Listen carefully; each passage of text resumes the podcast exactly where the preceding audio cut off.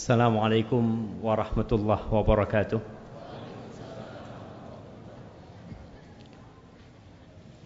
الحمد لله الذي هدانا لهذا وما كنا لنهتدي لولا أن هدانا الله Segala puji bagi Allah Jalla Jalaluh yang telah memberikan hidayahnya kepada kita.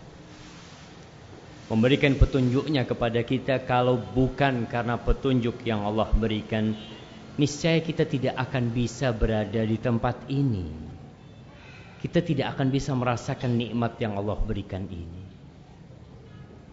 Itu adalah ucapan para penghuni surga Ketika mereka masuk ke surga Allah, Allah perkenankan bagi mereka untuk merasakan nikmat yang begitu besarnya. mereka bersyukur kepada Allah. Karena nikmat yang mereka terima bukan karena usaha mereka tapi karena rahmat dari Allah Jalla Jalaluh. Allahumma salli wa sallim wa zid wa barik wa an'im ala habibikal mustafa wa nabiyikal mujtaba nabiyina wa sayyidina Muhammad wa ala alihi wa ashabihi ajma'in.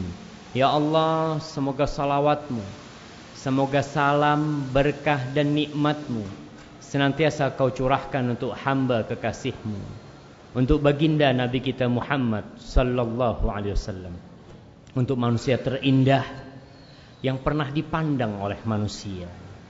Untuk manusia termulia yang pernah Allah ciptakan di muka bumi ini. Untuk nabi yang paling baik hati, yang paling pengasih kepada umatnya, yang Allah sifatin beliau bil mu'minina raufur rahim. Semoga selawat itu bersambung untuk keluarga beliau, untuk istri-istri beliau, yang terutama untuk Khadijah untuk Aisyah, untuk Hafsah, untuk Ummu Salamah, untuk Ummu Habibah, untuk Zainab, untuk Maimunah dan untuk seluruh istri Nabi yang mereka adalah istri-istri beliau di dunia dan di akhirat kelak.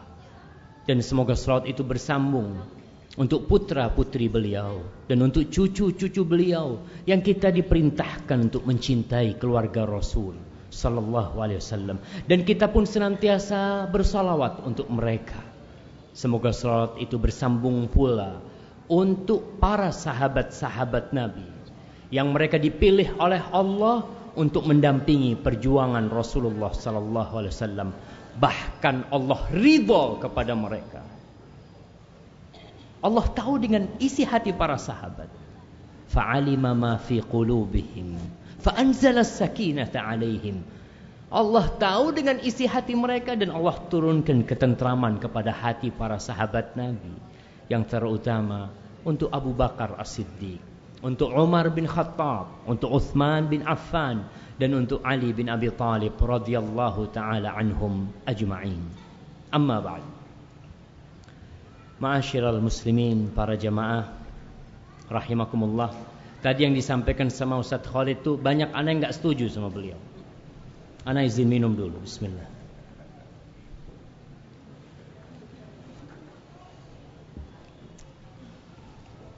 Alhamdulillah. Beliau mengatakan telah datang ulama. Nggak benar tuh. Anak kasih hadiah buat antum. Nah, bu yang datang nih tuwailibul ilim yang baru belajar nuntut ilmu. Mau bagi-bagi ilmu sama antum. Jadi kalau dikatakan ulama anak terus terang merasa dolim yang mengatakan itu. Tapi mudah-mudahan diampuni dosa beliau. Cuma gulu amin. Tema kita hari ini tentang rumah tangga tentunya kenapa sih kita menikah Ana mau tanya sama yang belum menikah Mana mana? Antum belum nikah? Hah? Tazawwaj sama masih kecil antum udah menikah. Insyaallah. Tapi antum udah menikah, Ana tanya sama antum, kenapa antum nikah?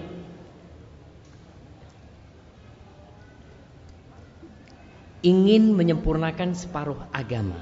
Masya Allah. Sekarang udah sempurna separuh. Tinggal separuhnya lagi. Masya Allah. Fadol kasih hadiah antum. Baik. Anda mau tanya yang sudah kawin lama, yang udah tua renta, insya Allah. Oh ada bapak kita pak. Afwan pak saya ini. Bapak udah berapa tahun menikah pak? 30 lebih. Masya Allah. Nggak pernah ada gonjang ganjing di rumahnya pak. Sedikit gesekan tapi terus berjalan. Kenapa bapak menikah? Kenapa bapak menikah? Masya Allah. Untuk menyempurnakan separuh agama. Fadol. Kayaknya jawabannya sama semua. Ada yang lainnya? Fadol.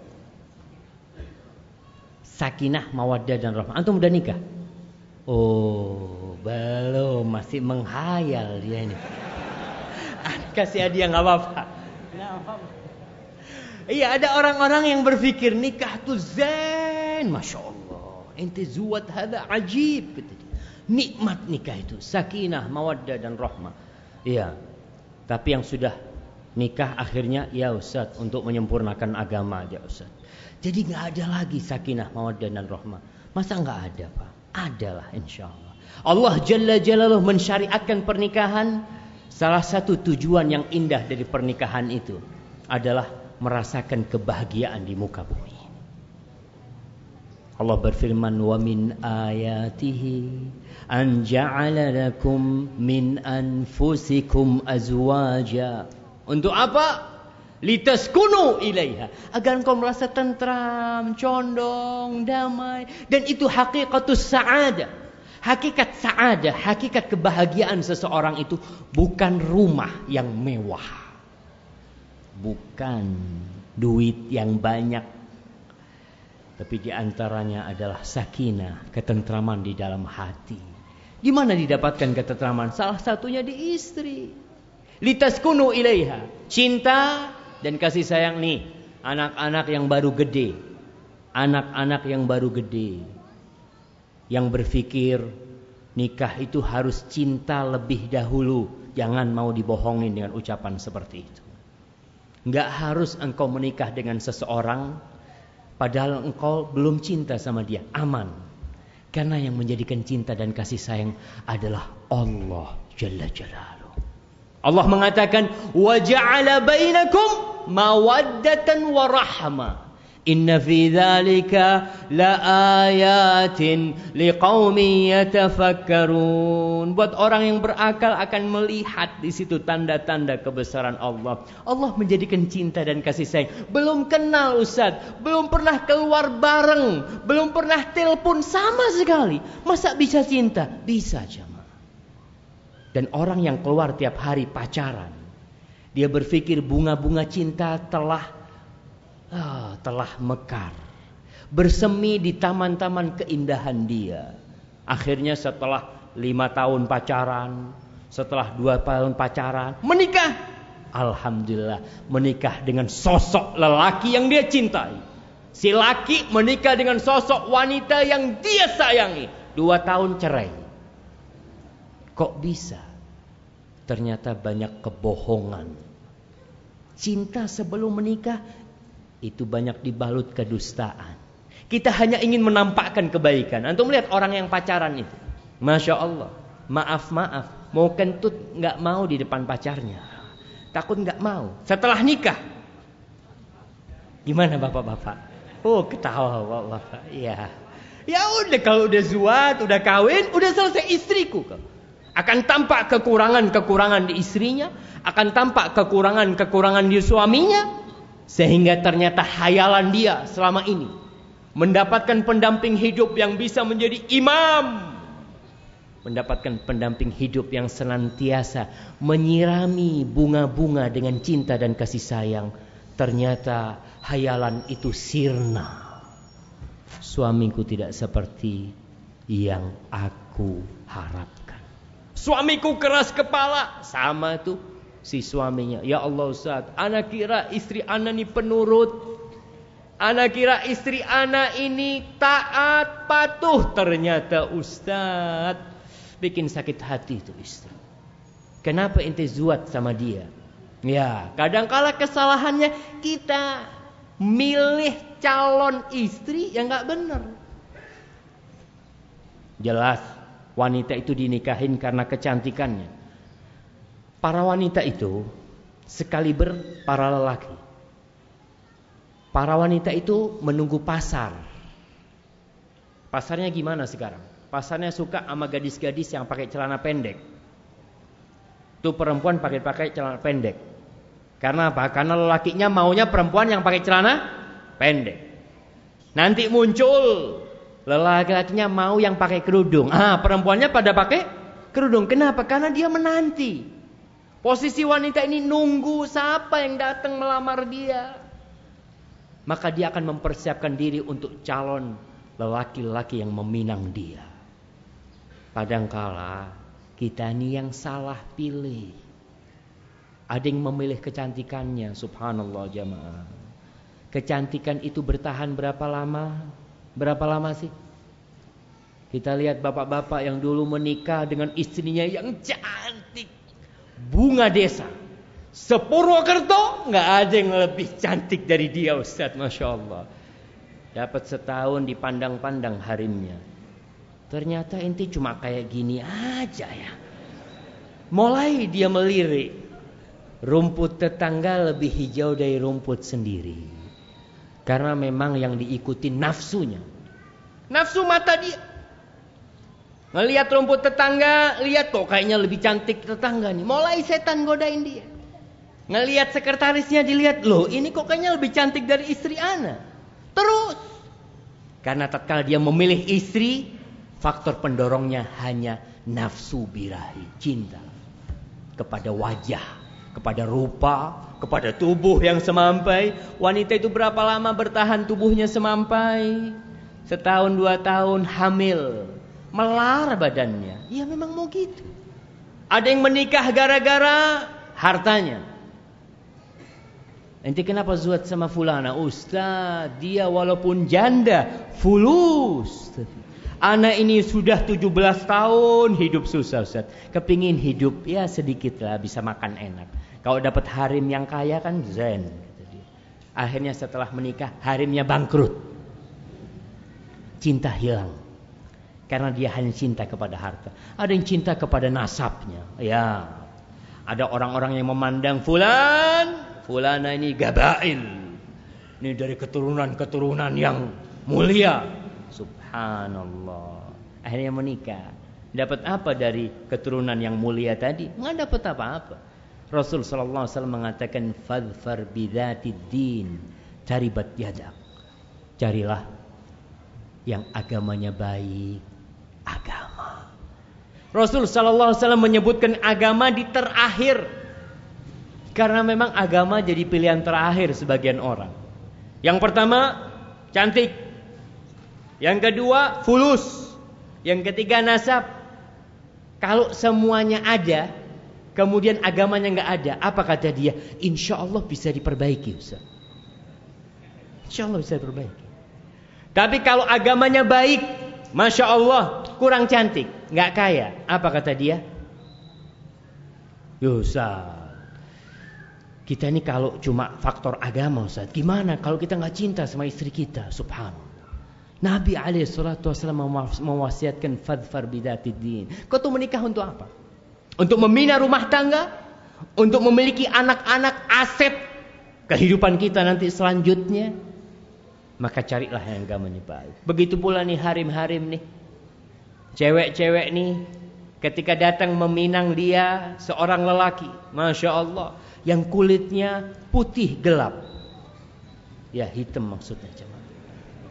Ngomong sama abahnya, "Ba, apa nggak ada yang lebih putih, Ba?" Nah, sini nak. Yang lebih putih banyak. Abe bisa carikan orang paling ganteng di Purwokerto buat engkau. Tapi yang lebih baik dari Fulan, abah nggak jamin bisa cari. Nak. Masya Allah. Antum melihat orang-orang kafir banyak lebih ganteng dari orang-orang Islam. Bahaya. Allah bagi-bagi dunia ini kepada siapa yang Allah kehendaki. Tapi iman. Innallaha yu'ti dunya man yuhib wa man la yuhib. Allah berbagi dunia kepada semua orang. Yang Allah cintai, Allah bikin kaya. Yang Allah benci, Allah bikin dia kaya. Ada orang-orang yang tidak pernah sujud satu kali pun kepada sang pencipta dia menjadi orang paling kaya di dunia. Ada orang yang tidak pernah datang sekalipun ke masjid untuk sholat berjamaah. Jadi orang kaya mungkin sepurwokerto. Ada orang yang tiap hari ke masjid. Subhanallah. Tapi kerjaannya tidak tetap. Apalagi banyak utangnya. Gimana tuh? Oh, dunia ini nggak ada artinya. Katakan kepada anak kita tentang sabda Rasul sallallahu alaihi wasallam. Antum cari tuh nyamuk tuh. Antum pegang nyamuk. Katakan kepada putri kita. Nak, kau lihat nih nyamuk, nak. Lihat kau nyamuk ini ya. Rasul sallallahu alaihi wasallam bersabda, "Lau kanatid dunya ta'dilu 'inda Allah janaha ba'udah, ma zaqa minha kafiran syarbata ma." Andai kata dunia ini ada nilainya di sisi Allah seperti satu sayap nyamuk, Allah nggak akan kasih orang kafir seteguk air. Allah nggak bakal kasih sama mereka. Nah, kau itu menikah bukan karena kegantengan. Ingat dengan sabda Rasul sallallahu alaihi wasallam, "Idza ja'akum" Kalau datang meminang putri kalian, "man tardawna dinahu wa khuluquhu fa'ankihu." Kalau datang meminang putri kalian, orang yang agama dan akhlaknya baik. Ingat, agama dan akhlaknya baik. Bicara agama, bicara sholat, bicara hafalan Al-Quran, bicara ngaji, bicara puasa, bicara sholat malam, itu bicara agama. Ada orang yang masya Allah sholat malamnya tapi suka mukul istrinya. Ada. Ada orang-orang yang suka ke masjid, masya Allah agamanya, tapi suka mengumpat, suka menjelek-jelekkan istrinya. Maka Rasul Shallallahu Alaihi Wasallam ingin kebaikan buat umatnya. Dua standar, agama dan akhlak. Akhlak inilah perilaku suami kepada istrinya, perilaku suami kepada mertuanya, perilaku suami kepada anak-anaknya nantinya kalau dia seorang janda. Maka Rasul sallallahu alaihi wasallam mengajarkan dua. Fa'ankihu, kawinkan. Para sahabat bertanya kepada Rasul sallallahu alaihi wasallam, "In kana fihi" Wahai Rasulullah, gimana nih kalau lelaki yang meminang putri kita? Betul, secara akhlak jaminan. Secara agama jangan ditanya. Tapi dia miskin. Dia tidak punya pekerjaan tetap. Tidak ada persyaratan orang menikah harus punya pekerjaan tetap. Nggak ada syarat. Tapi seorang menikah harus tetap bekerja. Antum datang ke mertua. Assalamualaikum. Waalaikumsalam. Saya mau meminang putri bapak. Kamu kerja apa? Sampai saat ini saya belum bekerja. Kira-kira diterima nggak sama ortu antum? Iya. Kalau belum bekerja susah diterima. Tapi kalau antum mengatakan alhamdulillah anak bekerja, kerjaan anak nggak tetap. Kalau ada anak kerja, nggak ada ya anak cari kerjaan tetap seperti itu. Nggak masalah. Yang penting akhlak dan agamanya baik kawin. Para sahabat bertanya, in kanafi, mungkin dia bukan dari keturunan gabilah yang tinggi, marga yang ah, yang agung. Rasul sallallahu alaihi wasallam mengulangi sabdanya, "Idza ja'akum man tardawna dinahu wa khuluquhu fa'ankihu." Kawinkan kalau datang meminang putri kalian, meminang adik kalian, meminang siapa aja wanita yang jadi tanggung jawab kalian. Orang yang agama dan akhlaknya baik kawinkan. Kalau tidak takun fitnatun fil ardi wa fasadun kabir. Akan terjadi fitnah kekacauan di muka bumi ini dan kerusakan yang sangat besar sekali. Maka ingat kalau ada yang meminang lihat agama. Kalau tidak anak kita akan dijadikan mainan. Banyak anak-anak yang membangun rumah tangga dia ingin cerai. Tapi dia tidak ingin menyangiti hati orang tuanya. Dia bertahan di rumah itu. Karena ternyata orang tuanya memilihkan calon suami yang tidak sesuai dengan standar Rasulullah sallallahu alaihi wasallam. Banyak orang tua yang menikahkan putrinya melihat fulus. Fulan Masya Allah fulus. Jadi ente nak, ente insya Allah kalau zuat sama fulan, ente senang hidupnya. Belum tentu jamaah. Fulus tidak membuat bahagia. Tapi yang membuat bahagia adalah ketentraman dan kedamaian di dalam hati.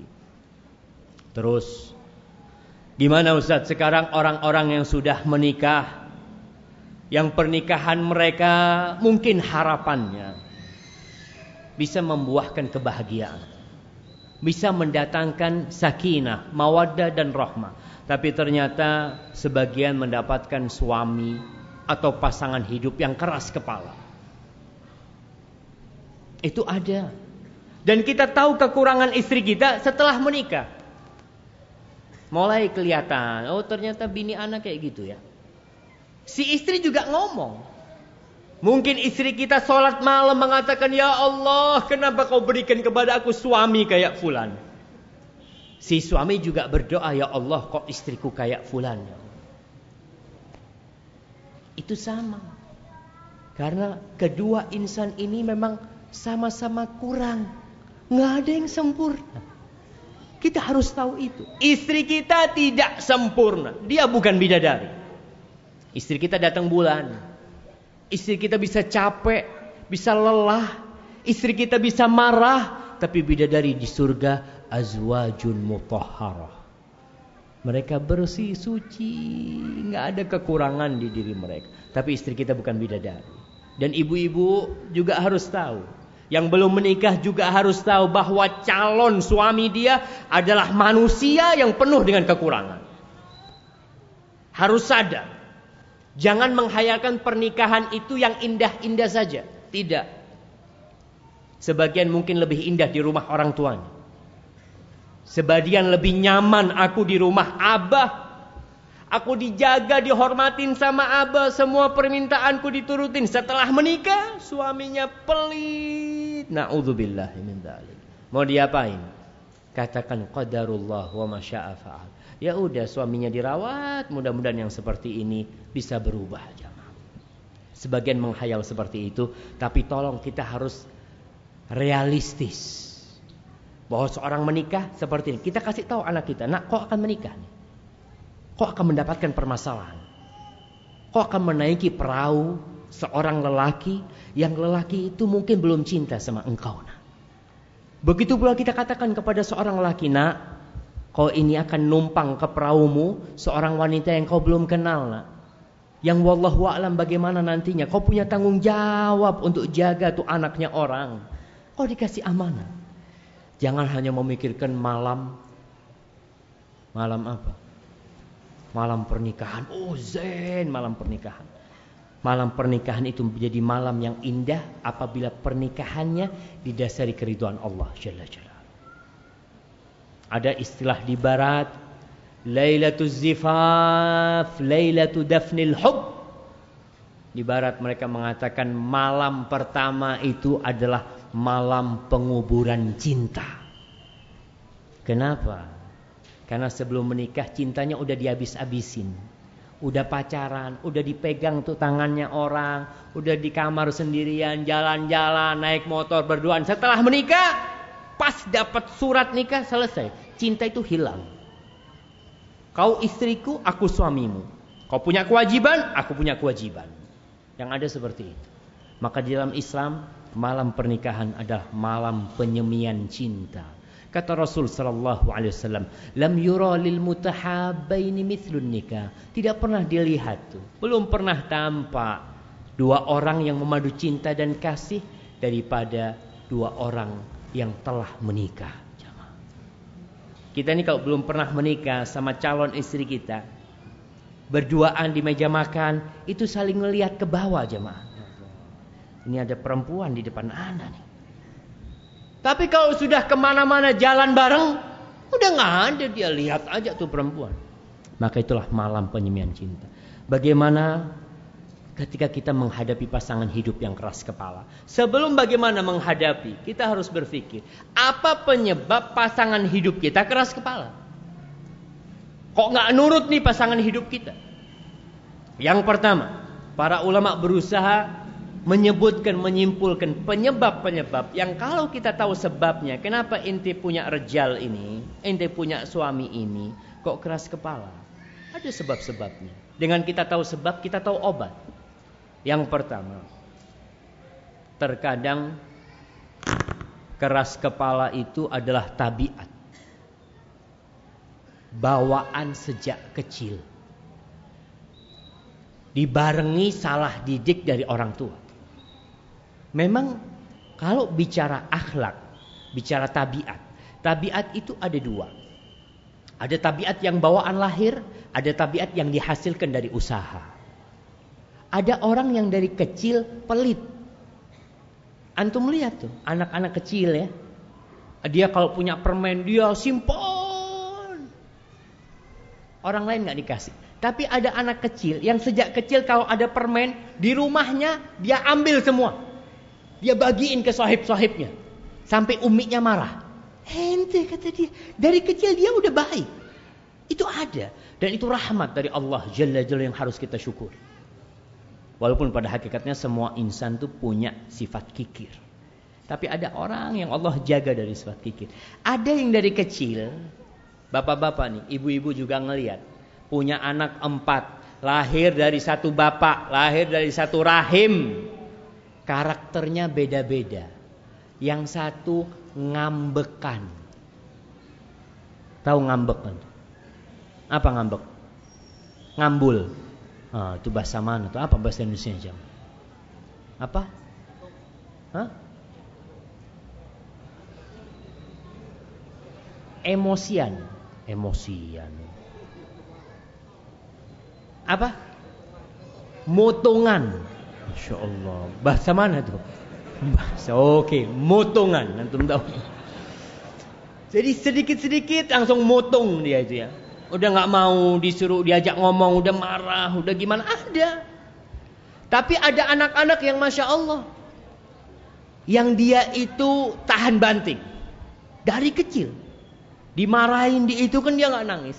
Ada yang dari kecil nangisan, sedikit-sedikit nangis. Kita harus tahu tabiat itu. Baik itu suami atau istri. Ada yang dari kecil penakut.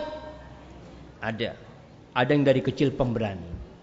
Mungkin pasangan hidup kita memang bawaannya keras kepala. Itu terjadi.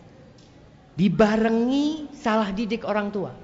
Sebagian orang tua itu kalau ada anaknya mutung ya, minta permen, nangis, dia duduk, kadang kala sampai muter-muter Akhirnya orang tuanya beliin.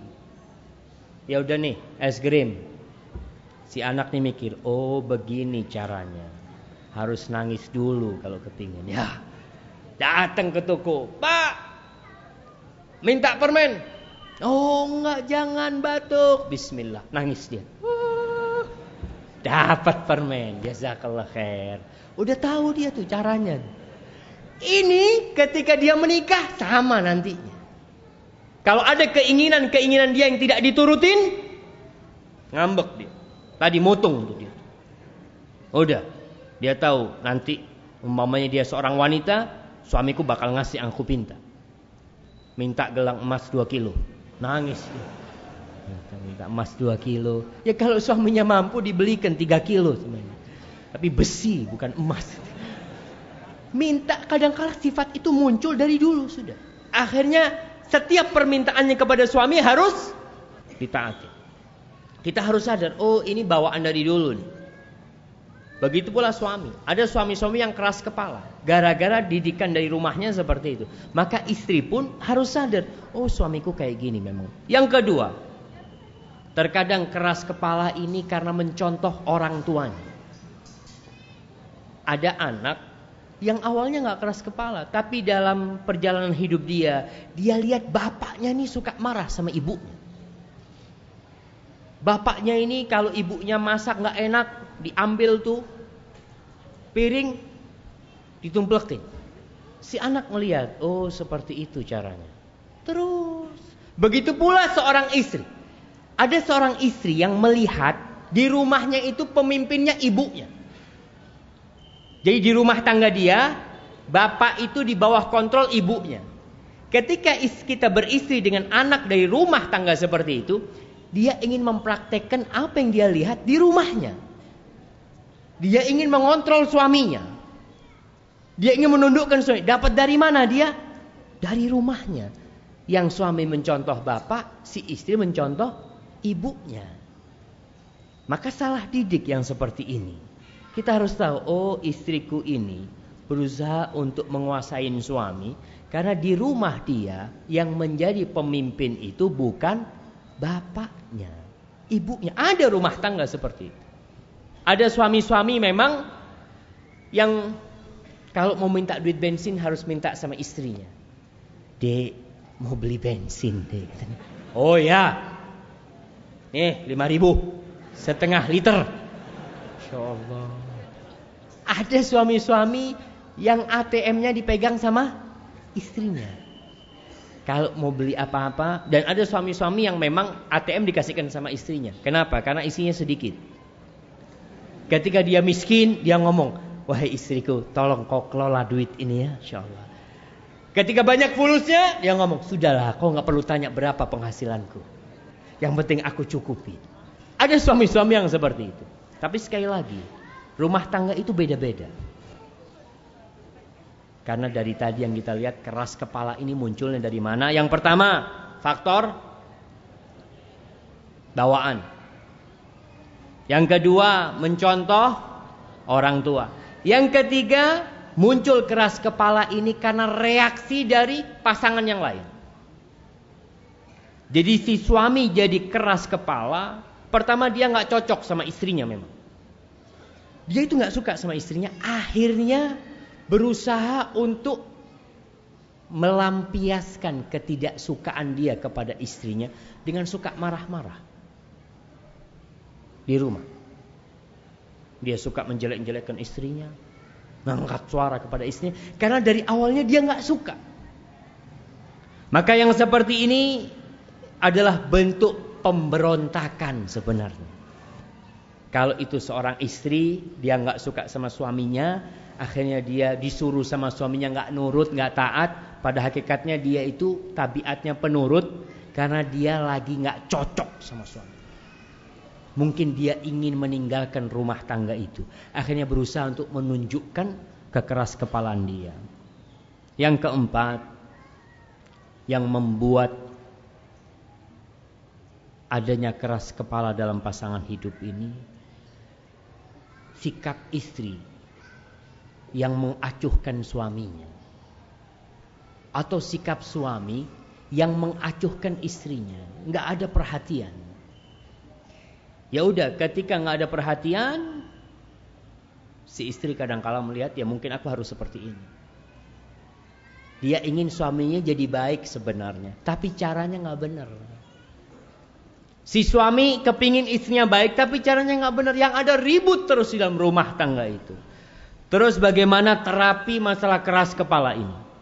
Supaya keras kepala yang ada di dalam rumah kita, permasalahan yang ada di, di dalam rumah tangga itu, ya menjadi bumbu penyedap kehidupan ini.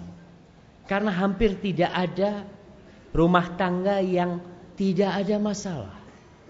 Rumah tangga Rasul Sallallahu Alaihi Wasallam ada masalah, tapi belum bisa menyelesaikannya dengan baik. Yang pertama, kalau memang tabiat pasangan hidup kita ini memang keras kepala, hindari konflik. Hindari. Kalau kita sudah tahu suamiku ini, ibu-ibu nih tahu suaminya nggak suka ngelihat istrinya pakai daster. Bapak-bapak suka ngelihat istrinya pakai daster. Bapak-bapak Suka ngelihat istrinya pakai daster yang bolong-bolong gitu ya. Suka apa nggak suka? Diam semua. Ya, gimana Ustaz? Sudah itu adanya Ustaz, kita syukur. Enggak rata-rata lelaki itu suka dengan wanita yang cantik. Dengan pakaiannya yang seksi, Masya Allah. Antum bisa bayangkan masuk rumah, istri dengan pakaian mini, dengan pakaian yang seksi. Antum mungkin naudzubillah. Ente lagi kenapa kata dia? Karena biasa pakai dasar. Maka ibu-ibu ngeliat tuh, suaminya tahu nggak suka, apa yang tidak disukai dengan suaminya, tinggalkan.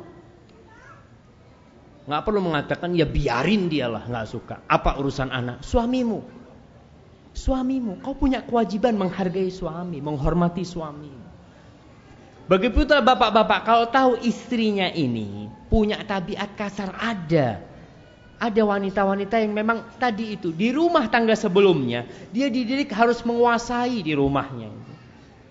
Maka di sini kita harus melihat apa yang diminta oleh istri kita. Pulang, kita dapat rezeki, beliin hadiah buat istri kita. Belikan apalah kalau mungkin bukan orang yang fulus ya. Dia bisa belikan tali rambut. Tali rambut ya. Ana mau tanya nih. Siapa yang dalam bulan ini belikan tali rambut buat istrinya? Anak kasih hadiah. Mana mana nih? Masa nggak ada? Tali rambut apa? Wah, baju mah biasa itu mah. Tapi ada aksesoris yang perempuan tuh suka. Kita lewat toko berhenti. Ada tali rambut yang baik ya, ada jepit rambut yang baik, bungkus yang bagus tuh kasih Ibu-ibu seneng nggak dibeliin tali rambut? Apa katanya? Diam semuanya. Kalau tali rambut mah banyak Ustaz. Emas Ustaz. Ya harim-harim sukanya sama zahab, sama emas. Maunya yang kuning-kuning, belikan yang kuning-kuning. Ya maksudnya belikan gelang-gelang kuning yang aksesoris ada. Usahakanlah kita melihat istri kita nih harus diobatin. Dia nih sakit. Dari rumahnya kita bawa memang dia keras kepala. Kita hindarin. Ketika masuk rumah, Istri kita lagi marah, jangan marah. Abu Darda radhiyallahu taala anhu mengatakan kepada istrinya, "Ya Ummat Darda, wahai Ummu Darda, idza ghadibtu faraddini wa idza ghadibti rabbaituki." Wahai Abu Ummu Darda nih, kalau aku lagi marah, tolong engkau jangan ikut marah. Kadangkala istri ngomong, "Ustadz, Ana nggak salah Ustadz. Dia yang salah. Ya mana mau Anda disalahkan? Jangan. Ini kita tahu suami tahu udah keras kepala. Kalau dia lagi marah, udah ngomong maaf. Maafkan aku seperti sabda Rasul SAW Seorang wanita yang penghuni surga itu Kalau suaminya lagi marah Kalau si perempuan lagi disakitin Perempuan itu akan datang kepada suaminya Dia letakkan tangannya di tangan suaminya Hadihi yadi fi yadika La aktahilu bi ghamdin hatta tarda. Wahai suamiku Tanganmu, tanganku ada di tanganmu nih. Aku gak akan tidur Aku tidak akan memejamkan mataku sampai engkau ridho kepada aku. Masya Allah. Padahal yang salah suaminya. Perempuan kayak gini nih. Itu yang bisa menyelesaikan masalah rumah tangga. Tapi kalau perempuannya sok, dia ngeliat suaminya marah, inti mau marah, duduk sini, kita marah-marahan. Nanti yang ada bertengkar sebenarnya. Hindari konflik lah. Kemudian tadi berikan tambahan perhatian. Berikan tambahkan kasih sayang dengan kita berbagi hadiah ya kepada istri kita yang mungkin dia tadi itu keras di rumahnya. Insya Allah jamaah. Ibu-ibu nih dengerin juga. Kalau suami ibu-ibu itu macan. Singa yang ganas. Singa itu bisa tunduk enggak? Bisa ditundukkan. Singa yang biasanya melihat manusia menerkam. Diginikan datang. Eh Masya Allah. Kalau singa bisa, masa suami ibu-ibu nggak bisa? Bisa. Pakai apa Ustaz? Jangan pakai pelet, dosa. Ada orang-orang yang pakai ilmu pengasihan. Tuh ilmu-ilmu yang kesyirik-syirikan tuh hati-hati tuh banyak tuh dijawab. Datang kepada dukun. Walaupun dukun sudah berkurang sekarang. Yang ada kikun. Iya, ada ustadz dukun pakai peci putih. Ketika ada orang, oh ibu mau menundukkan pasangan ibu, masya Allah, ibu saya nggak mau dibayar. Ada maharnya. Oh, kalau mahar kan syariat ini sesuai syariat. Berapa maharnya, pak? Hati-hati seperti ada cara yang sesuai dengan syariat. Ketika ingin menundukkan suami, berikan perhatian kepada suami. Ketika suami datang, ketok rumah, assalamualaikum. Assalamualaikum. Si istri ternyata lagi goreng. Biarlah buka sendiri, diam ntar lagi juga masuk. Jangan seperti itu. Matikan kompornya datang kepada si bukain. Masya Allah bang, ya tahu suaminya ini keras kepalan. Ahlan bang Fadol bang, abang mau yang dingin apa yang hangat? Allahu Akbar. Siapa kalau masuk rumah ditanyain sama istrinya, bang mau yang dingin apa yang hangat? Anak kasih hadiah. Masa semasjid nggak ada? Sepurwokerto. Ibu bapak-bapak tuh nggak boleh melupakan kebaikan istrinya. Nanti ibu-ibu ada yang marah itu saat dolim suami. Padahal anak setiap bukain pintu itu anak tanyakan, masa nggak ada jamaah? Yang pengantin baru masa nggak ada? Anak izin minum. Bisa.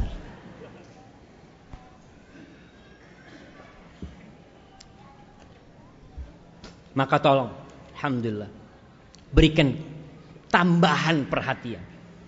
Suami datang, tanyakan, "Bang, mau yang hangat atau yang dingin?" Duduk suaminya ya. Kadang-kala istri kan suaminya telat datang malam.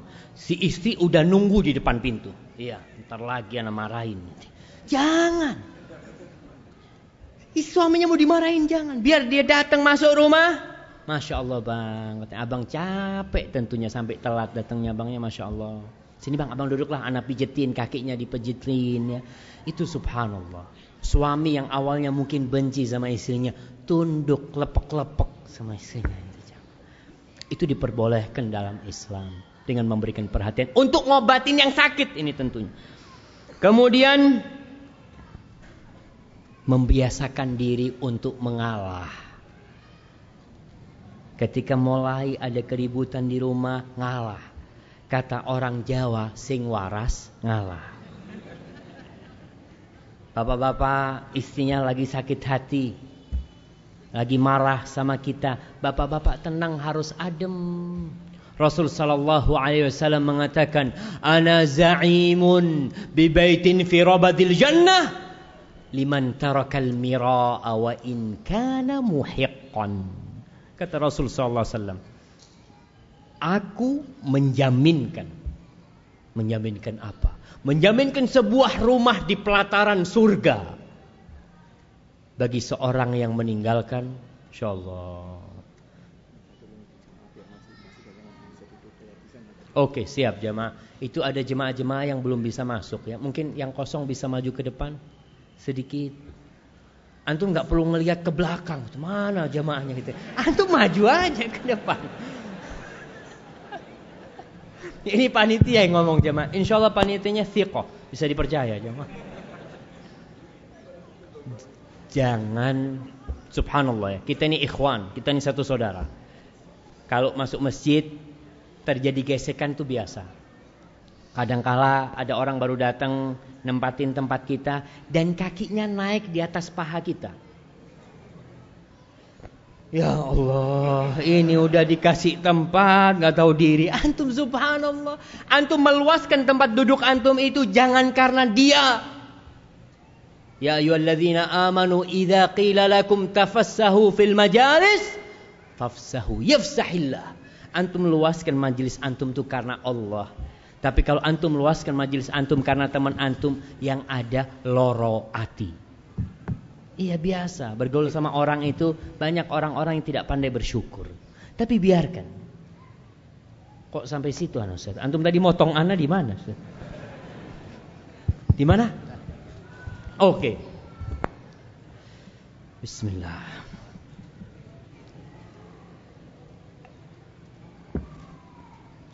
Alhamdulillah. Naam, ana za'imun bi baitin fi rabadil jannah liman tarakal mira wa in kana muhiqqan. Aku akan menjaminkan sebuah rumah di pelataran surga bagi seorang yang meninggalkan perdebatan walaupun dia benar.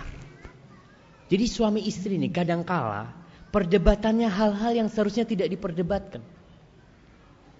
Ngomong sama istrinya. Di rawon paling enak itu di mana ya? Oh, di sini. Mulai ribut. Oh, enggak.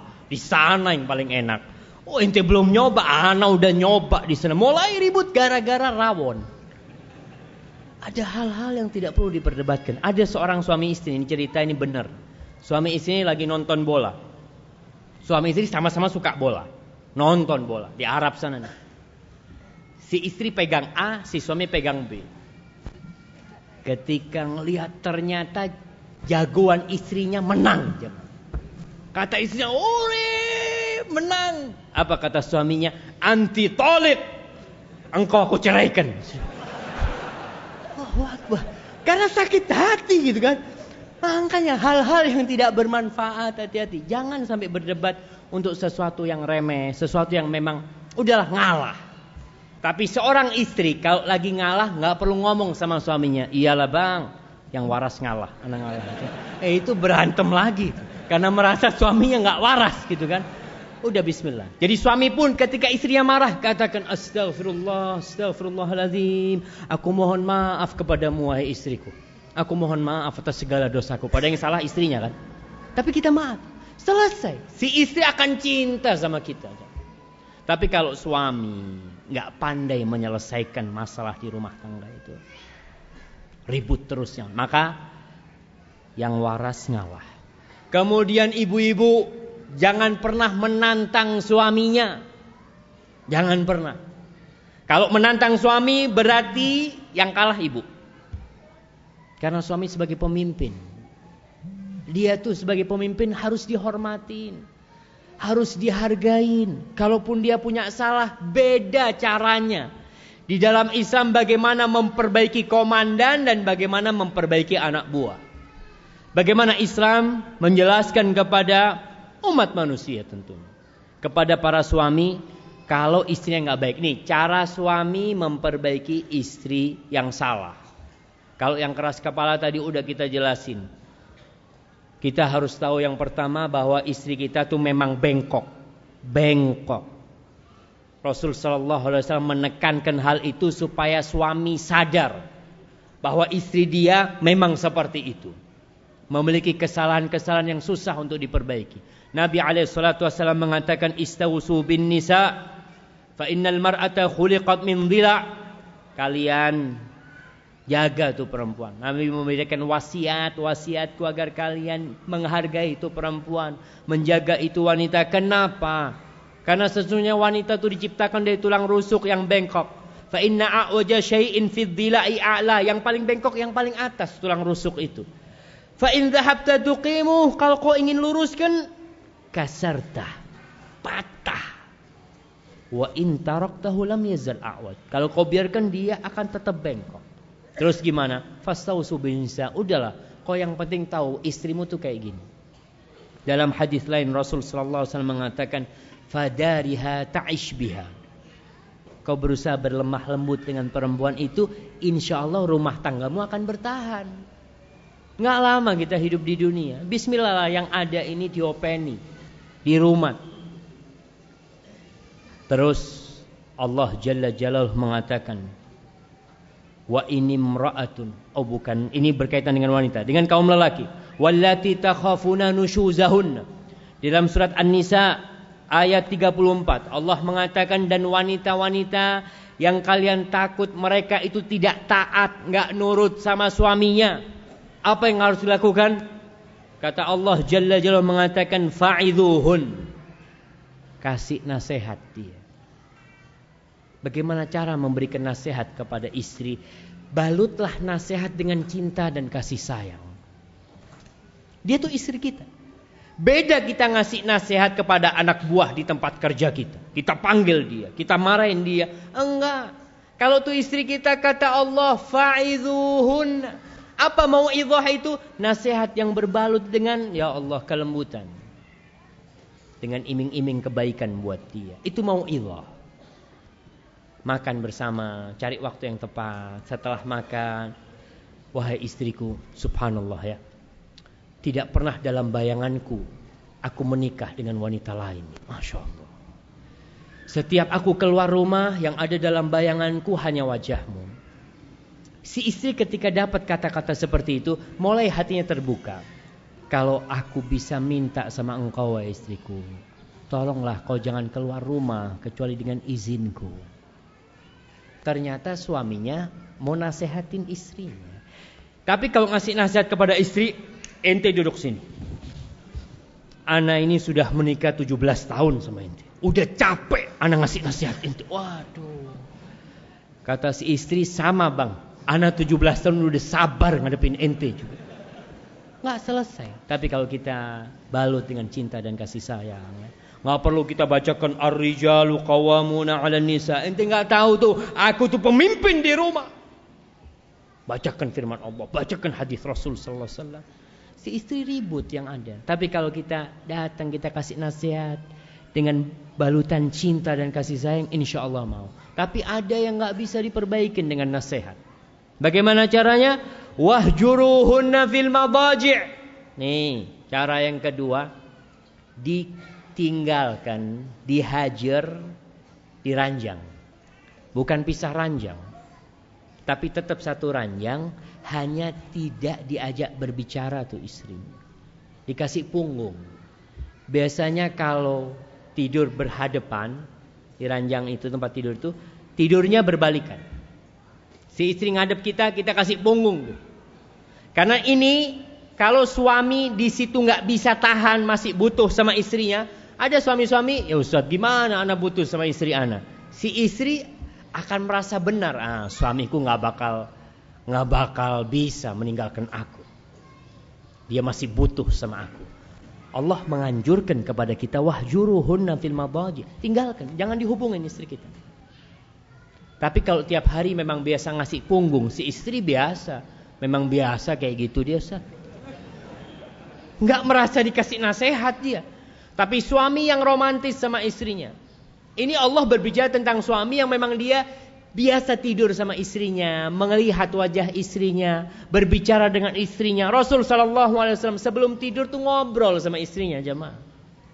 Setelah ngobrol baru beliau tidur. Di antara kita ada yang datang dari tempat kerjanya ngomong sama istrinya, Afan jangan diganggu anak. Anak mau tidur, anak capek. Ketika dia hendak memberikan nasihat istrinya lewat cara ranjang ini, nggak berhasil. Karena dia memang seperti itu. Maka orang-orang yang romantis, orang-orang yang cinta kepada istrinya, ketika dia tidak ngajak bicara istrinya, ketika diranjang dia berbalik arah, si istri akan sadar, ya Allah, ada apa dengan suamiku?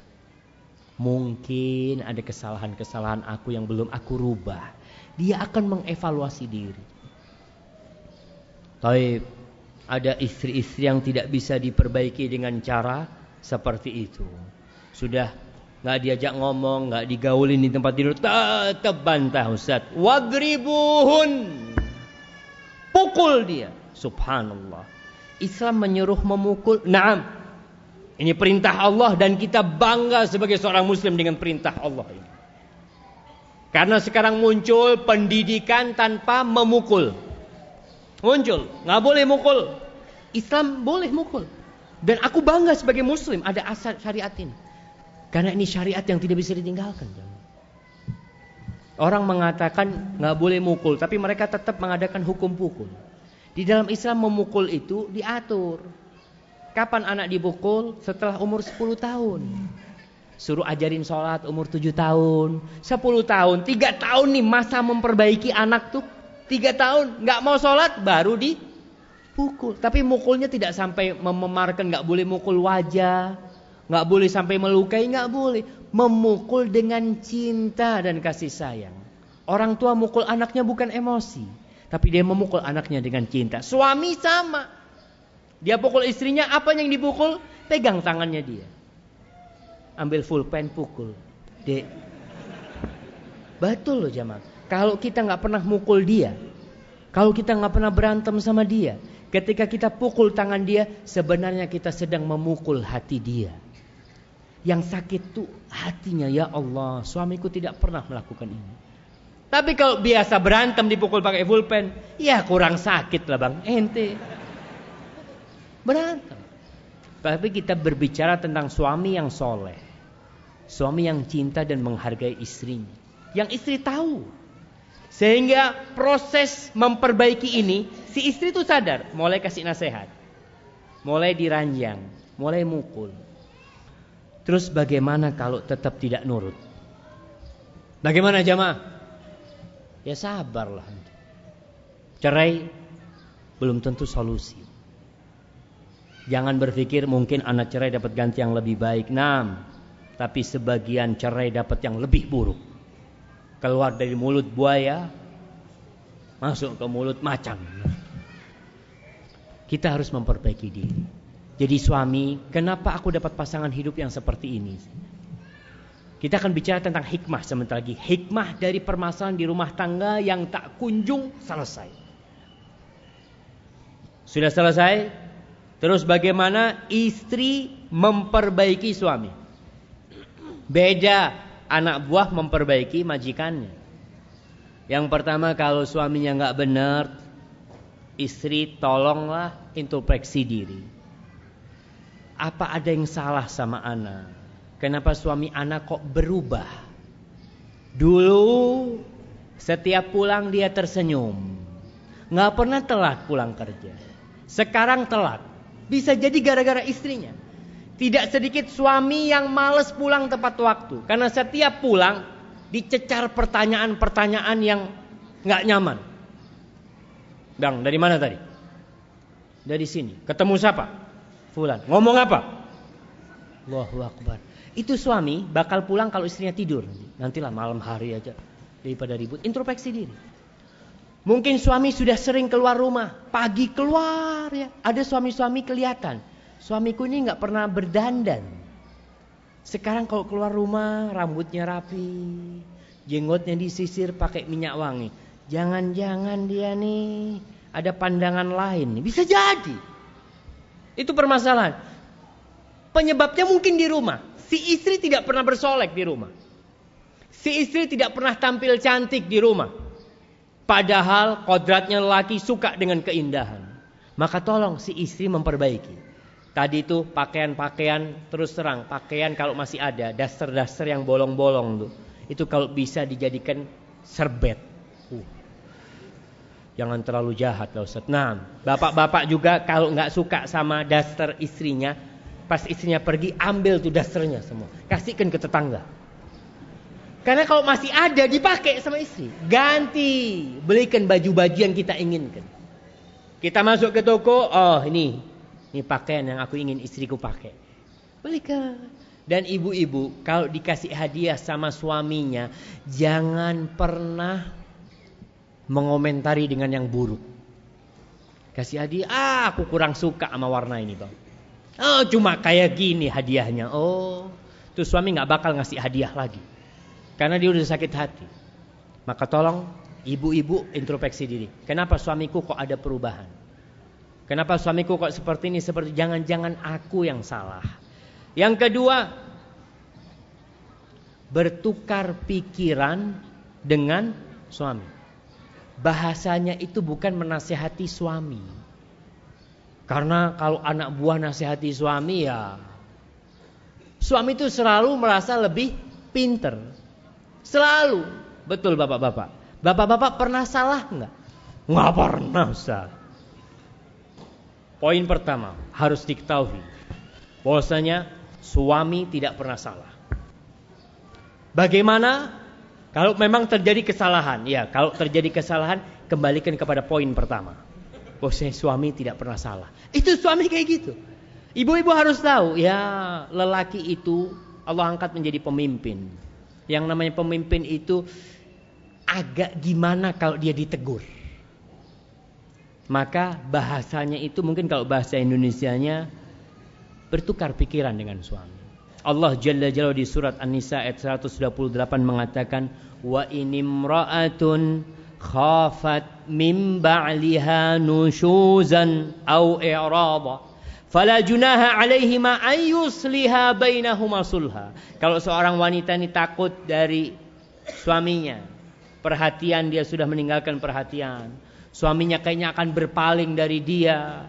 Suaminya tidak lagi memberikan kasih sayang kepada dia, maka keduanya boleh mengadakan islah perdamaian. Itu introspeksi diri, ngomong sama suami, "Bang, anak kok ada sesuatu yang kayak mengganjal di hati bang, mungkin abang bisa kasih solusi. Yang ngomong sama suami. Tapi jangan ngomong sama suaminya, bang sini bang, duduk. A'udzu billahi minasyaitonir rajim. Innal hamdalillah nahmaduhu wa nasta'inuhu wa nastaghfiruh. Khutbatul hajah dibaca sama Rasul SAW. Iya. Tapi jangan bacain kepada suami Istri berusaha untuk cari waktu yang tepat. Dari bawah. Dia mengatakan Mungkin abang nggak salah bang, mungkin ana yang salah bang ya. Tolong pandangan ana ini mungkin ana ngelihat abang kok sekarang ini selalu telat pulangnya bang ya. Allah alam mungkin ana yang salah, ana minta minta penjelasan dari abang lah. Tukar pikiran kepada suaminya. bukan memberikan nasihat. Dan jangan suudzon dulu sama suaminya. Suudzon itu awal petaka di rumah tangga. Ketika sudah tidak ada saling percaya di rumah, habis itu. Istri suaminya ke kamar mandi, HP-nya diambil. Dia lihat. Mulai keraguan-raguan. Suami juga seperti itu. Mulai telepon istrinya disadap. Nggak nyaman sudah rumah tangga. Tolong, islah, kumpulkan, duduk. Ada apa nih masalahnya? Supaya kalau memang ada kesalahan di istri, nggak berlarut-larut. Kesalahan di suami tidak berlarut-larut. Jangan sampai suami ini akhirnya selingkuh. Karena dibiarkan. Ada istri yang membiarkan suaminya. Anda mau lihat sampai ke mana hubungan dia dengan wanita itu. Ah, Berarti kita memang yang merusak suami kita. Ibu-ibu yang merusak suaminya. Diperbaikin suaminya kalau memang sudah ada gelagat-gelagat nggak benar. Ketika memberikan, ketika tukar pikiran ini, pilih waktu yang tepat. Yang kedua, lihat kondisi suami yang rileks. Yang ketiga, ya usahakan penuh dengan kelembutan. Tidak ada angkat suara. Kalau sudah angkat suara, dilihat nggak bisa nih, kalau ngomong sama suami Ustaz, mesti anak ini angkat suara. Jangan ngomong. Tulis surat kepada suaminya. Tulis surat. Soalnya kalau nulis surat ibu-ibu bisa milih kata-kata. Tapi kalau ngomong langsung terkadang emosi naik akhirnya ribut di rumah tangga. Yang ketiga berusaha untuk membuat suami senang. Ya tadi dengan introspeksi diri kita berusaha rumah tangga yang tadinya adem bagaimana bisa jadi lebih baik lagi. Nggak bisa Ustaz. Udah usaha itu suami usaha berusaha, istri berusaha, nggak ketemu. Maka cara yang terakhir adalah mengirim utusan, mediasi. Suami istri ngomong nggak ketemu, oke kita kirim mediator dari pihak keluarga wanita, dari keluarga lelaki. Allah Subhanahu wa taala berfirman dalam surat An-Nisa ayat 35, wa in khiftum shiqaqa bainihim. Kalau kalian khawatirkan pertikaian, percekcokan antara keduanya nggak selesai-selesai. Terus gimana? Fab'athu hakaman min ahlihi wa hakaman min ahliha. Maka tolong diutus mediator. Seorang yang alim, yang ngerti dari pihak keluarga lelaki dan dari pihak keluarga wanita islahan yuwaffiqillah bainahuma. Kalau mereka memang benar-benar ingin perbaikan keduanya, insya Allah dengan izin Allah, Allah akan memperbaikinya. Allah akan memberikan taufik kepada mereka. Itu salah satu cara kalau percekcokan tidak bisa diselesaikan. Jangan terus dibiarkan. Ada orang-orang yang Masya Allah tiap hari ribut selama 50 tahun. Kawin ribut terus atau ada yang 10 tahun ribut terus. Tolong diutus. Karena kedua orang ini mungkin dua-duanya sakit. Harus diperbaiki. Yang memperbaiki keluarga wanita mungkin si suami Ustaz Ana udah nggak bisa ngasih nasihat istri anak. Ya bismillah. Mudah-mudahan pihak keluarga wanita bisa memberikan nasihat. Begitu pula si wanita Ustaz Ana udah nggak tahan hidup sama suami Ana. Ana udah berusaha nasihat-nasihat yang disampaikan Anak berusaha dengan cara baik tapi suami tetap seperti itu. Bahkan dia kayaknya udah selingkuh, udah apa, udah macam-macam umpamanya. Udah, nggak perlu berkuar-kuar di luar. Cari utusan bagaimana untuk memperbaiki kedua itu. Ustadz, apa tidak ada pilihan cerai? Ada. Di dalam Islam diperbolehkan cerai. Bahkan perceraian itu kadangkala solusi terbaik. Kadangkala. Ketika sudah tidak ketemu jalan, tidak bisa islah, jangan dipertahankan. Karena apa? Karena rumah tangga itu tujuannya sakinah, mawaddah dan rahmah. Kalau tiap hari yang ada pertikaian, istri nggak nurut sama suaminya, suami suka mukul istrinya, dapat dosa kan? Melakukan hal itu, istri tidak melakukan kewajibannya dosa. Suami tidak memberikan hak istri berdosa. Apa kau ingin pernikahanmu membawamu ke dalam neraka akhirnya? Enggak. Allah bolehkan perceraian.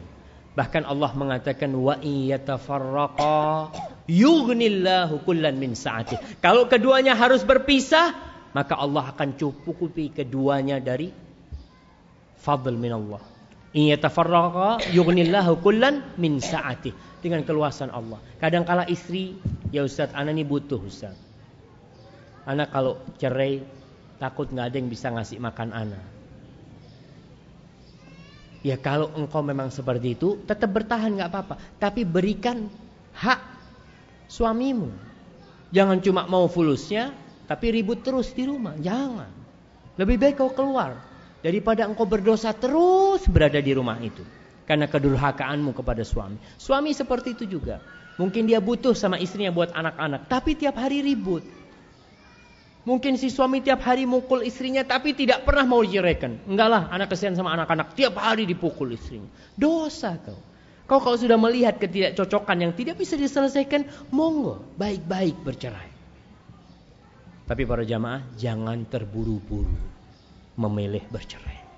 Apa hikmah dari permasalahan di rumah tangga. Yang terkadang orang tetap bertahan, nggak apa-apa Ustaz. Anak akan memberikan hak istri anak, walaupun istri anak menyakitin anak. Akan tetap bersabar. Istri-istri pun seperti itu, anak tetap akan bersabar. Memberikan hak-hak suami anak, sampai Allah mencabut nyawa anak. Walaupun suami anak zalim. Oke, berarti ada yang sadar di sini. Dengan hikmah-hikmah, kenapa dia harus bertahan. Yang pertama, permasalahan di rumah tangga itu sebagai penghapus dosa. Kita nih kadangkala diuji dengan suami yang zalim atau istri diuji dengan uh, suami di, diuji dengan istri yang zalim, dengan pasangan hidup yang zalim itu untuk menghapuskan dosa-dosa kita. Kita ini banyak dosanya. Mungkin permasalahan di rumah itu, keributan di rumah itu sebagai penghapus dosa. Ingat setiap dosa yang kita lakukan itu ada perhitungannya cuma. Ada perhitungannya. Antum mungkin nggak berbuat dosa di rumah. Berbuat dosa di luar. Tapi di rumah nampak dampak dari dosa yang antum lakukan. Maka insya Allah permasalahan itu sebagai penghapus dosa. Allah Jalla Jalla berfirman. Man ya'mal su'an yujza Barang siapa yang berbuat dosa pasti dibalas. Jadi itu sebagai penghapus dosa dan bisa jadi dosa kita sudah lama. Maka permasalahan itu sebagai penghapus dosa dan bisa jadi itu sebagai hukuman dari Allah buat kita. Kita dikasih istri yang seperti itu hukuman dari Allah atas dosa-dosa yang kita lakukan. Ya udah. Kita sadari Allah, aku akan bersabar. Semoga kesabaranku menghadapi suamiku dihapuskan dosa-dosa. Baik. Yang kedua, dilipat gandakan pahala buat kita. Allah Jalla Jalaluh mengatakan wala nabluwannakum bi syai'in minal khawfi wal ju'i wa naqsin minal amwali wal anfusi wath thamarat wa basyiris sabirin. Berikan kabar gembira kepada orang-orang yang bersabar jadi kita diuji di rumah dengan anak kita kadangkala sama istri kita diuji kesabaran kita. Allah benar-benar akan menguji kita dengan rasa takut, takut lapar ya.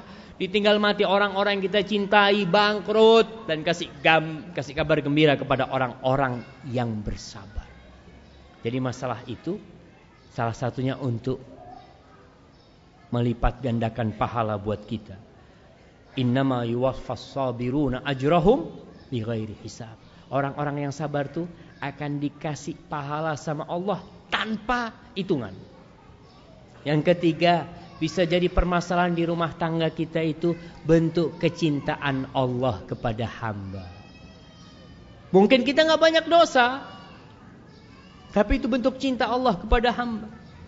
Kalau kita melihat para nabi, Bagaimana kehidupan mereka? Asyaddun nasi balaan al-anbiya. Orang yang paling berat cobaannya adalah para nabi. Coba kita lihat. Nabi Adam alaihissalam digodain sama istrinya. Sama anak-anaknya. Habil dan Kobil bunuh-bunuhan. Siapa Habil dan Kobil itu anaknya Nabi Adam. Siapa membunuh siapa? Anak kasih hadiah. Ah, Kobil membunuh Habil. Tahu dari mana itu? Oh, nih, nih ilmu nih. Bahasa Arabnya pembunuh itu kotil. Pakai kof, kotil. Jadi yang membunuh itu Qabil. Yang dibunuh Habil. Masya Allah. Itu pelajaran di kelas dulu kita di kampus. Ya, Masya Allah. Baik, Nabi Adam diuji sama anaknya. Nabi. Satu dibunuh anak. Subhanallah. Kemudian kita lihat Nabi Nuh alaihissalam. Nabi Nuh berdakwah 950 tahun bersama istri yang tidak beriman. Antum bisa bayangkan. Diuji sama Allah nih Nabi. Kemudian ketika Allah hukum mereka yang kafir. Nabi Nuh bikin perahu besar dan Nabi Nuh naik ke kapal, ketemu sama anaknya. Ya bunayya ma'ana. Wahai anakku naik. Kata anaknya tidak. Sa'awi ila jabalin. Ya'simuni minal ma' Aku aku naik ke gunung yang menyelamatkan aku dari air. Fahala bainahumal mauj. Nabi Nuh melihat anaknya tenggelam. Nabi diuji dengan anaknya. Apakah karena Nabi Nuh berbuat dosa? Bukan. Karena Allah cinta kepada para nabi. Allah uji dengan istrinya. Kemudian Nabi Ibrahim alaihissalam diuji di rumahnya. Istrinya bertahun-tahun nggak punya anak. Subhanallah. Apa Nabi Ibrahim kawin lagi? Jamaah, masya Allah, sabar tuh Nabi Ibrahim. Nggak kawin lagi. Sampai Sarah yang nyuruh kawin. Kau nikahinlah nih budaknya dibebaskan kemudian dinikahi oleh Nabi Ibrahim. Masya Allah diuji. Bertahun-tahun nggak punya anak. Terus berdoa sampai putih tetap bersabar. Karena terkadang tidak punya anak itu sebagai pemicu keributan di rumah. Ente ini yang mandul, nggak bisa punya anak, udah ribut terus ujian. Emangnya tuh perempuan mau mandul? Siapa yang menyebabkan dia jadi mandul? Allah Jalla Jalaluh. Kau harus tahu tuh takdir Allah. Kau harus terima istrimu seperti itu.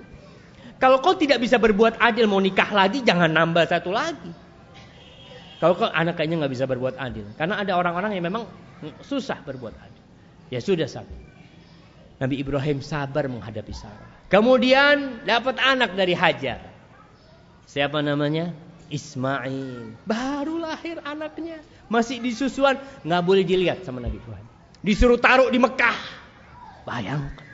Ditaruh di Mekah sama Nabi Ibrahim. Ditinggal. Bertahun-tahun kepingin punya anak ketika anaknya lahir terpaksa dia harus berpisah dari anaknya karena perintah Allah Jalla Jalla. Ketika anaknya sudah remaja balik Nabi Ibrahim. Masya Allah, udah belasan nih umurnya Nabi Ismail diuji sama Allah. Apa ujiannya? Ya bunaya inni ara fil manami anni azbahuk wahai anakku aku bermimpi dalam tidurku aku menyembelihmu. Subhanallah. Jadi permasalahan di rumah itu ujian, bentuk cinta Allah kepada hambanya. Kita lihat Nabi Lut alaihi salam. Nabi Lut. Bagaimana kondisi istrinya Nabi Lut alaihi salam. Mendukung dakwah beliau? Sama sekali. Bahkan mengompori kaumnya untuk datang ke rumahnya Nabi Lut. Membocorkan rahasia bagaimana para malaikat yang datang ke rumahnya Nabi Lut alaihissalam. Allah berfirman, Daraballahu mathalan lilladzina kafaru imra'ata Nuhin wa imra'ata Lut. Istri Nabi Nuh, istri Nabi Lut itu contoh bagaimana ujian yang Allah berikan kepada para nabi mendapatkan istri yang kafir. Pada syariat itu diperbolehkan seorang menikah dengan orang yang kafir. Dalam syariat kita nggak boleh. Kalau istri kita murtad kafir kita harus tinggalkan. Tapi kita lihat bagaimana sabarnya dan itu karena kecintaan Allah kepada mereka. Kemudian kita lihat istrinya Fir'aun. Diuji dengan suaminya. Bagaimana ujian yang berat. Suaminya mengaku sebagai Tuhan. Sabar istrinya. Sabar. Bahkan Allah jadikan contoh dalam Al-Quran Al-Karim.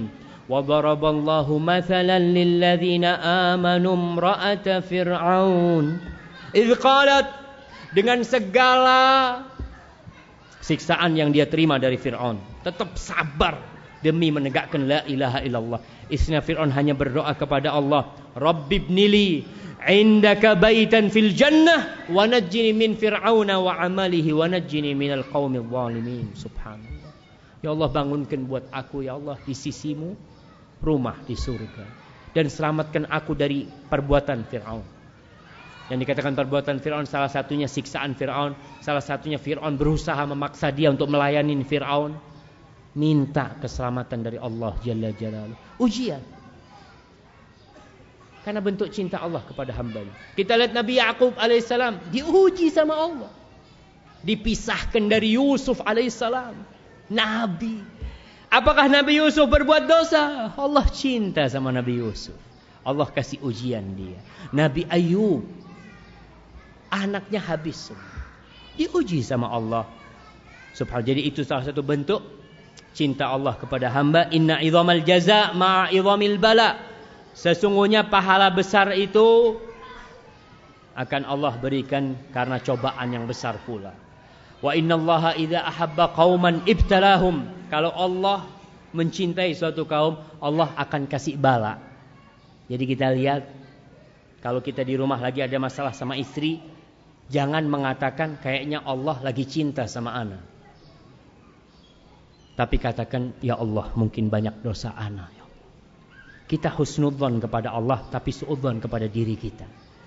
Jangan sudah merasa oh musibah yang menimpa anak ini karena kebanyakan pahala yang anak terima dari Allah. Eh, itu GR jangan. Kalau para nabi nam Allah cinta kepada mereka, tapi harapan kita dengan musibah yang kita hadapi dengan kesabaran kita, mudah-mudahan itu tanda kecintaan Allah kepada kita. Yang keempat, ujian itu permasalahan di rumah tangga itu sebagai ujian untuk melihat kebenaran iman kita. Betul nggak kita beriman? Allah Jalla Jalaluh mengatakan ahasiban nasu ayyutraku ayyaqulu amanna wa hum la yuftanun. Apakah manusia mengira dengan mengatakan kami beriman, anak mukmin, anak muslim. Lalu mereka nggak diuji, Allah akan uji untuk melihat kebenaran imanmu. Benar enggak kau beriman kepada Allah?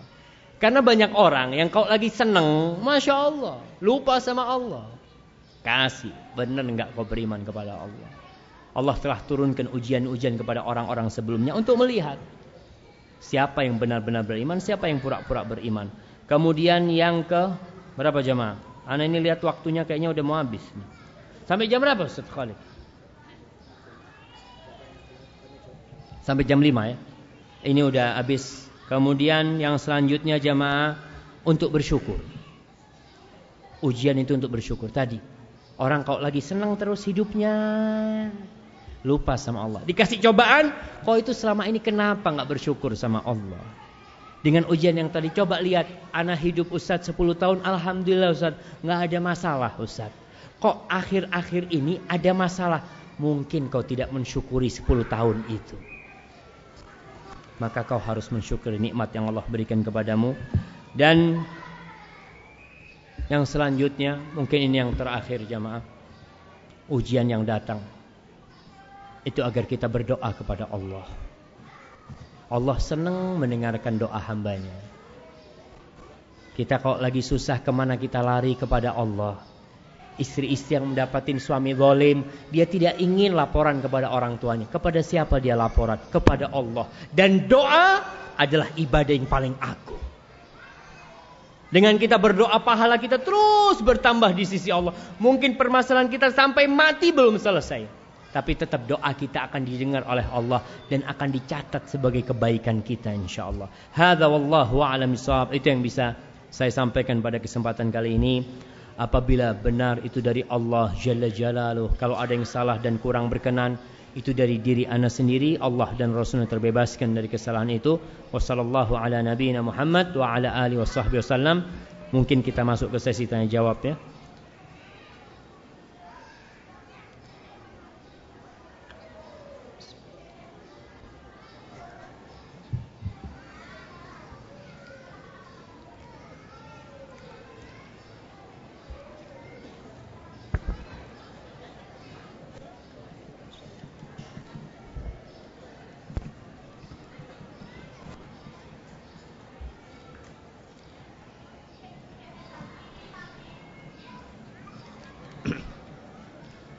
Jamaah akan berusaha menjawab pertanyaan yang ana bisa jawab. Jadi kalau ada pertanyaan antum yang nggak dijawab sama ustadz, berarti ustadznya nggak bisa jawab. Waktu yang ah, itu ah, aja ustadznya nggak bisa jawab. Iya. Makanya enaknya pertanyaan pakai kertas gini, ustadznya bisa milih kan, mana yang bisa, mana yang nggak bisa gitu kan. Ya memang kita ini ilmunya sedikit jamaah. Bismillah. Ustadz, apa hukumnya istri bekerja di luar rumah tapi pekerjaannya jadi guru PAUD atau TK Islam? Barakallahu fikum ya. Pertanyaan yang yang bagus sekali. Wanita itu wajib bekerja. Itu sudah kami tekankan selalu. Wanita itu wajib bekerja. Kalau ada yang mengatakan Islam melarang wanita bekerja, bohong. Islam mewajibkan wanita bekerja, tapi di rumah. Wajib bekerja. Antum bisa bayangin kalau perempuan cuma duduk-duduk di rumah. Nggak kerjakan apa-apa. Jadi jangan berpikir wanita di rumah masak, wanita didik anaknya, ngajarin anaknya, melayani suaminya, bersih-bersih rumah, mandikan anaknya, menyetrikakan baju suami. Itu bukan bekerja. Bekerja dia. Kalau wanita jadi pembantu, baru oh kamu apa kerjaannya? Saya sebagai pembantu. Kalau mbak ibu rumah tangga, nggak kerja saya. Kerja wanita. Cuma ada aturannya bekerja. Di rumah itu kerjaan rumah. Bagaimana nih pertanyaannya? Istri bekerja di luar rumah. Istri boleh bekerja di luar rumah dengan beberapa persyaratan. Yang pertama, izin suami. Bukan izin bapak. Ingat. Karena ada wanita-wanita yang disuruh kerja sama bapaknya. Dia sudah menikah, tapi bapaknya ngomong, nak kau tetap bekerja nak. Loh, gimana bapak? Istri saya, istri saya. Suami anak ngomong nggak boleh bekerja. Ya sudah, bapak yang capek besarkan engkau. Kok kau nurut sama suamimu? Oh, ngomong, Pak, bukankah bapak sudah nyerahkan anak sama dia? Maka bapak-bapak nih nggak boleh sembarangan nyerahkan putrinya. Putrinya itu seperti ditawan sama suaminya itu. Ketika suami seorang bapak mengatakan zawwajtuka wa tuka binti, di mahar kita selesai. Si suami mengatakan gabil tunikaha wa tazwijaha bil mahril madkur. Aku terima. Itu beralih tanggung jawabnya. Kewajiban taat istri beralih yang awalnya orang pertama yang harus dia patuhin adalah orang tuanya setelah menikah suaminya. Ketika seorang bapak ngomong, nak kau ke sini nak. Si istri ngomong, afwan pak, suami anak tidak mengizinkan. Siapa yang harus dia taati? Suaminya. Maka mertua harus sadar dengan ucapan dia zawaj tuka ini itu ucapan yang besar sekali. Maka yang harus izin sama suaminya. Yang kedua, pekerjaannya tidak mengandung hal-hal yang bertentangan dengan syariat. Di situ tidak membuka aurat dia. Karena ada pekerjaan-pekerjaan yang wajib buka jilbab. Ada yang seperti itu. Kemudian di situ lelaki sama perempuan kumpul jadi satu. Naudzubillah min ya. Maka diperbolehkan kalau dia jadi guru PAUD ya insyaallah ini termasuk perbuatan yang yang yang mulia sekali menjadi guru di TK itu dan anak cuma kesian guru-guru PAUD ini gajinya sedikit banyak sedikit sekali jamaah ada yang ngajar di PAUD di sini? Ada yang punya PAUD di sini? Berapa gajinya guru di TK itu? Hah? Berapa? 300 Masya Allah Tolonglah diperhatikannya Itu yang mendidik awal anak-anak kita Kalau kita punya rezeki kasih sekolahannya duit lah Jangan 300 lah Kita kalau digaji 300 mau ngurusin anak-anak kita Berat buat kita apalagi dia maka tolong diperhatikan apalagi di TK Islam ya. Kalau bisa gajinya yang sesuai. Assalamualaikum warahmatullahi wabarakatuh. Bagaimana Waalaikumsalam warahmatullahi wabarakatuh. Jika istri sering ajak ngobrol setelah saya pulang kerja sehingga terkadang harus menunda atau mengurangi rutinitas bacaan Quran. Mana yang lebih afdol? Masya Allah. Antum baca Qur'annya di luar rumah aja. Kalau sama sahib-sahibnya ngobrol panjang nggak ngaji gitu kan. Ketika sampai rumahnya karena dia bosan sama istrinya, aduh anak mau ngaji nih itu. Janganlah. Antum cari waktu-waktu khusus. Kalau memang antum harus mengurangi waktu ngaji antum nggak masalah untuk menyenangkan istri antum. Kesian tuh istri antum. Udah capek dari pagi ngurusin anak antum. Kalau antum memberikan kebahagiaan di diri istri antum. Ingat dengan kajian kita dari di Purbalingga tuh. Awal amalan yang paling dicintai oleh Allah apa? Sururun tudkhiluhu ala muslim kebahagiaan, kesenangan yang kau masukkan ke hati seorang muslim, apalagi istri kita nih. Kalau kita berkurang baca Qur'annya demi istri kita nggak masalah insya Allah. Karena kita termasuk dia punya hak jamaah. Kita di luar 8 jam ngobrol sama istri 5 menit udah capek. Memang istri kita tuh kadang-kala ngobrolnya nggak bermanfaat. Oh ketawa gitu kan. Tapi antum nggak apa-apa, antum dengerin. Dan jangan dipotong kalau istri kita ngomong. Dia cerita, dia lagi dapat berita ya tentang apa, tentang gempa umpamanya. Bang, tahu bang, ada gempa bang. Di ini cerita macam-macam ya. Ada yang meninggal sekian. Antum jangan ngomong, ana udah baca beritanya itu sudah. Jangan kesian tuh istri, biarkan dia ngomong sampai selesai. Subhanallah deh ya. Ya kita doakanlah mudah-mudahan yang meninggal itu diampuni dosanya. Ikutin. Jangan pernah dipotong omongan istri kita. Kesian dia. Aisyah pernah cerita kepada Rasul sallallahu alaihi wasallam hadis Ummi Zara. Cerita ini panjang. Kalau kita mau bahas ceritanya Aisyah itu bisa dua kali kajian dia. Rasul sallallahu alaihi wasallam dengerin cerita Aisyah dengan seksama. Setelah selesai beliau memberikan komentar kepada Aisyah. Maka kita yang bukan nabi, kita ini seharusnya lebih careful Rasul Sallallahu Alaihi Wasallam lebih sibuk dari kita.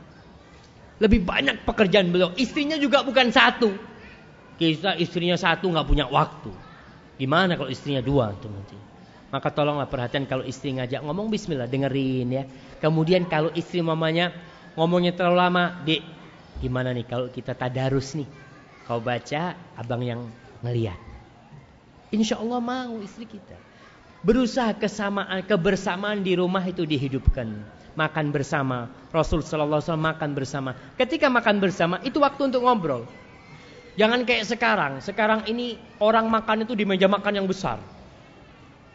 Istrinya di pojok, suaminya di pojok, anaknya di sini. Jadi akhirnya kita suasana-suasana dekat sama istri itu jarang. Rasul Sallallahu Alaihi Wasallam makan satu piring sama Aisyah. Jadi kalau makan satu piring sama anak-anak kita, Nabi makan sama Ummu Salama, sama anaknya Ummu Salama, makan satu piring. Antum bisa bayangin ketika makan satu piring, kepala tuh bisa beradu. Kepala suami sama istri beraduan, Masya Allah. Saling gelasnya satu. Antum berusaha di rumah, kalau kemanten baru gelasnya cuma satu. Jangan banyak-banyak. Kalau ada tamu pinjem sama tetangga, nggak apa-apa. Soalnya apa? Kalau gelasnya satu itu mau nggak mau kan minumnya kan gantian. Rasul sallallahu alaihi wasallam Aisyah cerita, pernah Aisyah minum sallallahu ala nabi Muhammad. Beliau Aisyah lagi minum, kemudian sama Rasul sallallahu alaihi wasallam diambil tuh gelasnya. Dicari sama Nabi bekas bibirnya Aisyah. Diletakkan bibir Nabi di tempat Aisyah meletakkan bibirnya. Kalau sekarang kita puter, kita cari yang nggak ada bekasnya. Itu masalah jamaah. Allahu Akbar. Bismillah. Jadi berusaha sekali-kali lah paling tidak makan barengan, dihidupkan tuh. Makan satu nampan itu untuk mendekatkan hati kita sama istri, sama anak-anak kita ya. Kita bagi ada daging yang enak, kita berikan kepada kepada istri kita, istri juga itu seperti itu. Rasul Wasallam tuh umurnya sudah 60 tahun ya. Biasanya yang dulang-dulangan, dulang-dulangan, betul suap-suapan, masya Allah. Suap-suapan itu kemanten baru. Satu bulan, dua bulan, nggak sampai satu bulan, mungkin tiga hari. Habis gitu udah sendiri-sendiri.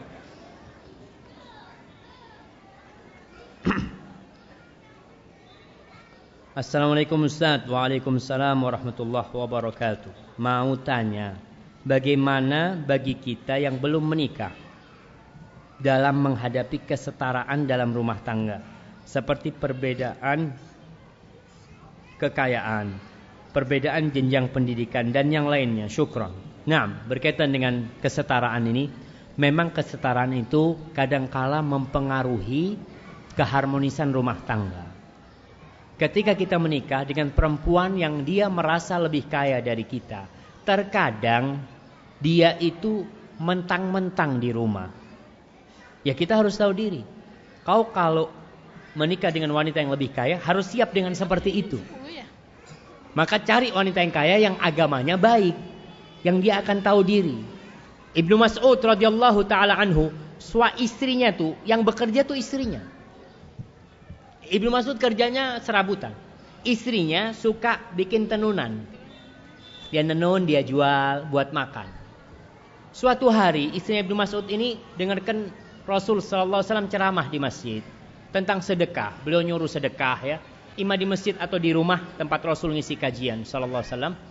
Akhirnya istri Ibnu Mas'ud, Zainab namanya, dia ngomong sama istrinya, "Wahai Ibnu Mas'ud, kayaknya mulai besok aku nggak bisa bantuin engkau.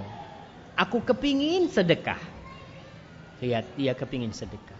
Kata Ibnu Mas'ud, nggak masalah, Allah tidak akan melantarkan kami. Tapi coba kau tanya kepada Rasul sallallahu alaihi wasallam. Akhirnya Zainab datang jumpain Rasul sallallahu alaihi wasallam. Kata Rasul sallallahu alaihi wasallam, yang kau berikan kepada istrimu, kepada suamimu, itu sedekah. Dia kan kepingin pahala sedekah. Yang kau berikan kepada suami itu dapat sedekah. Ya Alhamdulillah.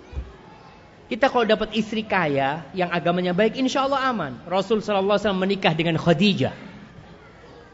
Kalau dilihat kekayaan Khadijah sama Rasul Sallallahu Alaihi Wasallam, nggak, nggak bisa dibandingkan. Nabi itu pegawainya Khadijah. Sallallahu ala nabiyina Muhammad. Tapi bagaimana Khadijah menjadikan hartanya untuk Rasul sallallahu alaihi wasallam. Maka tetap yang dicari walaupun ada perbedaan kesetaraan, kalau agamanya baik, insya Allah perbedaan itu nggak jadi masalah. Tapi kalau agamanya kurang baik, ya akan diungkit-ungkit. Masalah pendidikan, suaminya lulus SMA, istrinya S3, masya Allah. Eh, kau kalau panggil aku dokter ya. Suaminya panggil, iya ibu dokter gitu kan. Gak nyaman kan jamaah. Anak bertahun-tahun nempuh S3 yang dipanggil namanya nggak pantas kata dia. Ya ribut. Kita harus lihat tetap agamanya. Kalau agamanya baik insya Allah masalah ketidaksetaraan itu bisa diselesaikan. Oh ini nih, ini pertanyaan nih. Ustaz bagaimana suami menghadapi istri yang merasa berkuasa di dalam rumah tangganya karena istri lebih kaya dari suami? Masya Allah. Pertanyaan, kenapa engkau milih dia jadi istri? Satu, kita harus tahu dengan konsekuensi kita. Ketika kita menikah dengan wanita yang kaya dan kita di bawah dia, ada konsekuensinya. Tuh, istri mungkin merasa lebih ya lebih ngatur di rumah. Tugasmu memperbaiki. Kira-kira kau bisa memperbaiki tidak? Kalau tidak bisa memperbaiki mundur aja. Tapi kalau kau bisa memperbaiki bismillah sabarlah menghadapi istri yang seperti itu. Itu konsekuensi kita. Kita didik agamanya. Jangan mendidik dia tentang kewajiban istri kepada suami, jangan. Tapi didik kepada dia tentang kewajiban seorang hamba berbakti kepada Sang Pencipta. Ketika keimanan ditumbuhkan di hati istri kita. Dia beriman kepada Allah. Dia sami'na wa ato'na kepada sang pencipta. Urusan rumah tangga selesai. Itu yang terkadang kita mengasih tahu istri kita. Bukan masalah keimanan kepada Allah. Kita panggil. Ente tidak tahu. Dosa engkau tidak taat kepada suami. Hak suami seperti ini. Dia merasa lebih kaya. Oke lah kalau anda tidak kerja makan dari mana kau? Ribut di rumah. Maka tolong keimanan seorang istri ditumbuhkan. Setelah dia beriman kepada Allah, adanya surga dan neraka ya, adanya segala nikmat yang Allah berikan kepada orang-orang yang taat kepada Allah, insya Allah dia bisa diperbaiki. Dan bagaimana cara membahagiakan istri yang bekerja di luar rumah? Masya Allah. Ini suami yang teladan ini. Maka kalau antum ingin membahagiakan istri antum, ya kalau antum pulang duluan, antum yang nyambut istri antum. Kalau memang antum mengizinkan dia kerja di luar. Kadang-kala dia capek, maka antum pijet dia. Masa suami pijet istri Ustaz? Boleh apa nggak boleh jamaah? Boleh jamaah. Itu salah satu bentuk kemuliaan seorang suami. Rasul Shallallahu Alaihi Wasallam kalau masuk rumah jadi suami. Beliau bantuin Aisyah urusan rumah tangganya. Sallallahu ala Nabi Muhammad. Muncul orang-orang yang tidak pernah masuk dapur. Ah, masa suami masuk dapur? Nggak boleh masuk dapur. Itu kerjaan istri. Subhan, siapa yang bilang? Rasul Sallallahu Alaihi Wasallam jahit timbanya sendiri pakai tangannya. Beliau merah kambingnya sendiri pakai tangannya Sallallahu Alaihi Wasallam. Bajunya beliau jahit sendiri. Itu Nabi Sallallahu Alaihi Wasallam. Jangan merasa Ustadz nanti wibawa anak turun. Enggak. Wibawamu akan lebih tinggi. Ketika engkau menjadikan istrimu ratu, istrimu akan mengangkatmu menjadi raja. Tinggal kita mau atau tidak. Hadza wallahu a'lam Apakah salah ketika suami terkadang cemburu dengan anak? Karena setelah punya tiga punya anak tiga, sekarang istri sibuk dengan anak. Ah, tuh. Biasanya suami kalau istrinya sudah sibuk sama anaknya mau cari ibu yang lain. Wah, seneng bapak-bapak kalau urusan ta'adud. Sebenarnya wajar. Wajar-wajar aja. Tapi kalau ngasih nasihat istri, dia berusaha dengan cara yang baik. Katakan kepada istri kita, Dek, anakmu tiga. Ya, tambah satu, aku juga masuk anakmu, Dek. Suami itu bayi besar. Bayi. Sama sama anaknya. Makanya kalau anaknya nangis, suaminya nangis, siapa dulu yang harus diselesaikan? Suaminya. Ini bayi besar nih. Terkadang ibu-ibu, suaminya mau berangkat kerja nih. Ibu-ibu lagi sibuk sama anaknya. Si suaminya cari kos kaki nggak ketemu. Tinggalin anaknya. Suamiku. Nih bayi besar mau berangkat kerja nih. Iya, jadi kalau antum cemburu ya wajar itu kecemburuan yang wajar tapi antum jangan dipendam di dalam hati. Karena anak itu juga anak antum.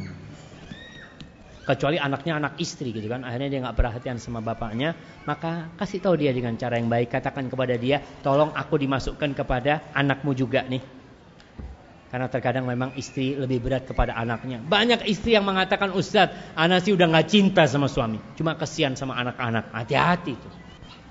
Itu benih-benih percekcokan berarti akan mulai. Katakan kepada suaminya, Mas, kalau anak disuruh milih antara anak sama engkau, aku pilih engkau, Mas. Padahal bohong dia. Boleh.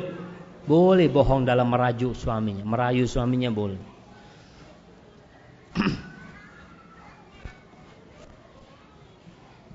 Assalamualaikum. Waalaikumsalam warahmatullah. Kalau orang tua kita itu keras kepala, dan kita melakukan sunnah Rasul SAW. Hati-hati jamaah. Jangan nulis SAW lagi. Kita itu disuruh sama Allah bersolawat bukan ber-SAW. Allah mengatakan Innallaha wa malaikatahu yusalluna 'alan nabi ya ayyuhalladzina amanu Sallu alaihi wasallimu taslima.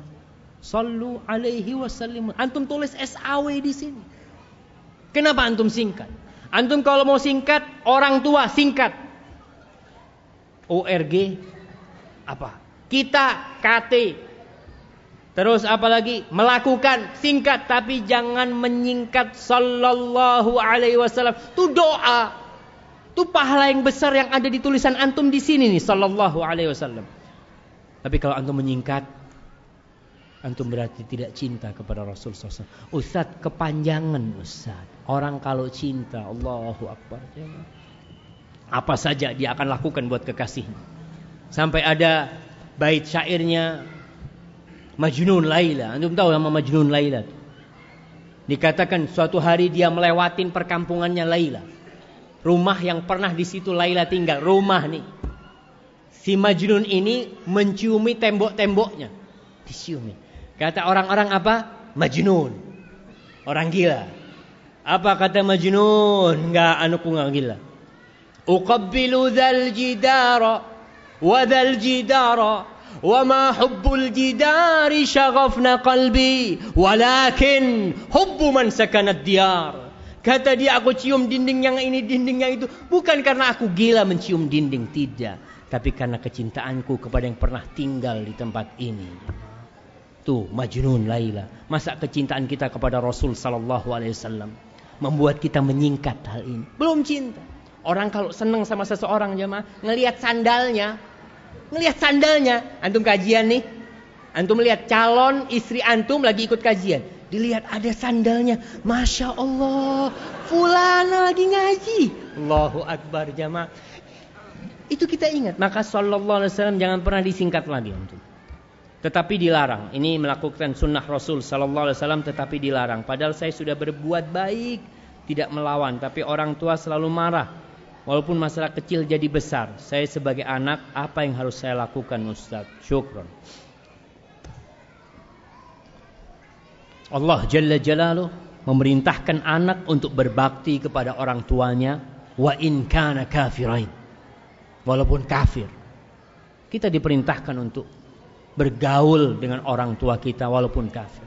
Tapi kalau dia nyuruh kepada kemaksiatan, Wa in jahadaka ala an tusyrika bi ma laisa laka bihi ilmun fala tuti'huma. Kita nggak boleh taat kalau dia nyuruh kepada kemaksiatan, tapi tetap kita berbakti. Kita nurut sama orang tua kita. Kalau antum mengatakan antum sudah baik, antum kurang baik. Terus berbuat baik. Kalau antum sudah maksimal berbuat baik, orang tua marah mungkin ngusir antum nantinya. Bismillah. Nabi Ibrahim pun pernah diusir sama bapak tapi setelah berdakwah dengan cara yang baik. Karena banyak di antara kita yang udah kenal sunnah, kalau pulang ke rumah tuh sering menyalahkan orang tuanya. Bapak, bapak ini bisa masuk neraka nih kalau kayak gini. Bapaknya di neraka-neraka. Jangan. Kalau ngomong sama orang tuanya, kayak Nabi Ibrahim, gimana dia ngomong sama orang tuanya? Ya abati, inni qad ja'ani minal ilmi ma lam ya'tika fattabi'ni ahdika siratan sawiya. Wahai ayahanda sesungguhnya aku ini udah ngaji udah belajar datang ilmu kepadaku yang mungkin kau belum mengerti ikuti aku aku akan tunjukkan jalan yang lurus kepadamu. Panggil dengan panggilan yang indah cari waktu yang tepat. Orang tua marah jangan dibantah kadangkala anak nih kalau ngomong sama orang tuanya dia karena udah belajar ayat dan hadisnya. Pak yang saya ucapkan ini ada dalilnya. Mana dalilnya bapak? Waduh. Ini mau berantem sama bapaknya nih. Jangan. Orang tua itu kita nggak ngerti kesian. Dia tuh cinta sama kita. Ketika anak pakai jenggot pertama kali. Waktu di pondok. Pulang dari pondok pakai jenggot. Disidang sama orang tua. Ente ada apa pakai jenggot? Waduh. Orang tua ngomong, yang pakai jenggot tuh orang-orang yang sudah tua tuh, baru pakai jenggot. Ada apa anak-anak muda pakai jenggot? Ya kita namanya anak muda, uh. Pelan-pelan kita. Sampai paman datang, nanti kalau tidur mau dipotong jenggotnya. kita ini perjuangan, masalah jenggot apa sih? Rasulullah SAW pakai jenggot. Beliau nyuruh pakai jenggot. Masya Allah. Tapi kadang-kala kita memang berontai. Tapi berusaha antum dengan cara yang baik. Menghormati orang tua. Jangan ngomong kok sama orang tua. Karena orang tua ketika melihat kita ada perubahan di sikap kita. Dia takut kita ikut aliran sesat. Betul. Jangan-jangan anakku ini ikut teroris, ikut yang macam-macam. Itu bentuk cinta mereka kepada kita. Bukan kebencian mereka. Kalau kebencian mereka kepada sunnah itu bukan karena kebencian yang didasari ilmu, karena nggak ngerti. Insya Allah, anak punya abah sekarang pakai jenggot. Yang dulu ngamuk-ngamuk sama anaknya, alhamdulillah. Doakan orang tua antum dan bersabar. Ustaz mau tanya, buku yang bagus untuk pemuda yang ingin mempersiapkan untuk pernikahan apa saja? Yang pertama, Al-Qur'anul Karim. Nah, itu kitab paling bagus tuh jamaah. Allah jelaskan tentang hukum-hukum pernikahan. Itu kitab pertama yang harus kau baca. Baca di surat An-Nisa ya. Sebelum kau baca buku-buku yang lain, baca Al-Quran. Inna hadzal Qur'ana yahdi lillati hiya aqwam. Ini Quran, ini kitab yang menunjukkan kepada jalan yang paling lurus. Kalau kitab-kitab yang ditulis manusia masih banyak salahnya. Al-Quran untuk baca. Kemudian kalau buku-buku tentang pernikahan banyak sekali ada bukunya Syekh Albani, ada Zifaf ya, adab-adab pernikahan antum perlu baca itu ya. Apakah benar cerai itu halal tapi dibenci Allah? Memang ada hadis ya. Hadis yang mengatakan abghadul halali ilallahi at-talaq.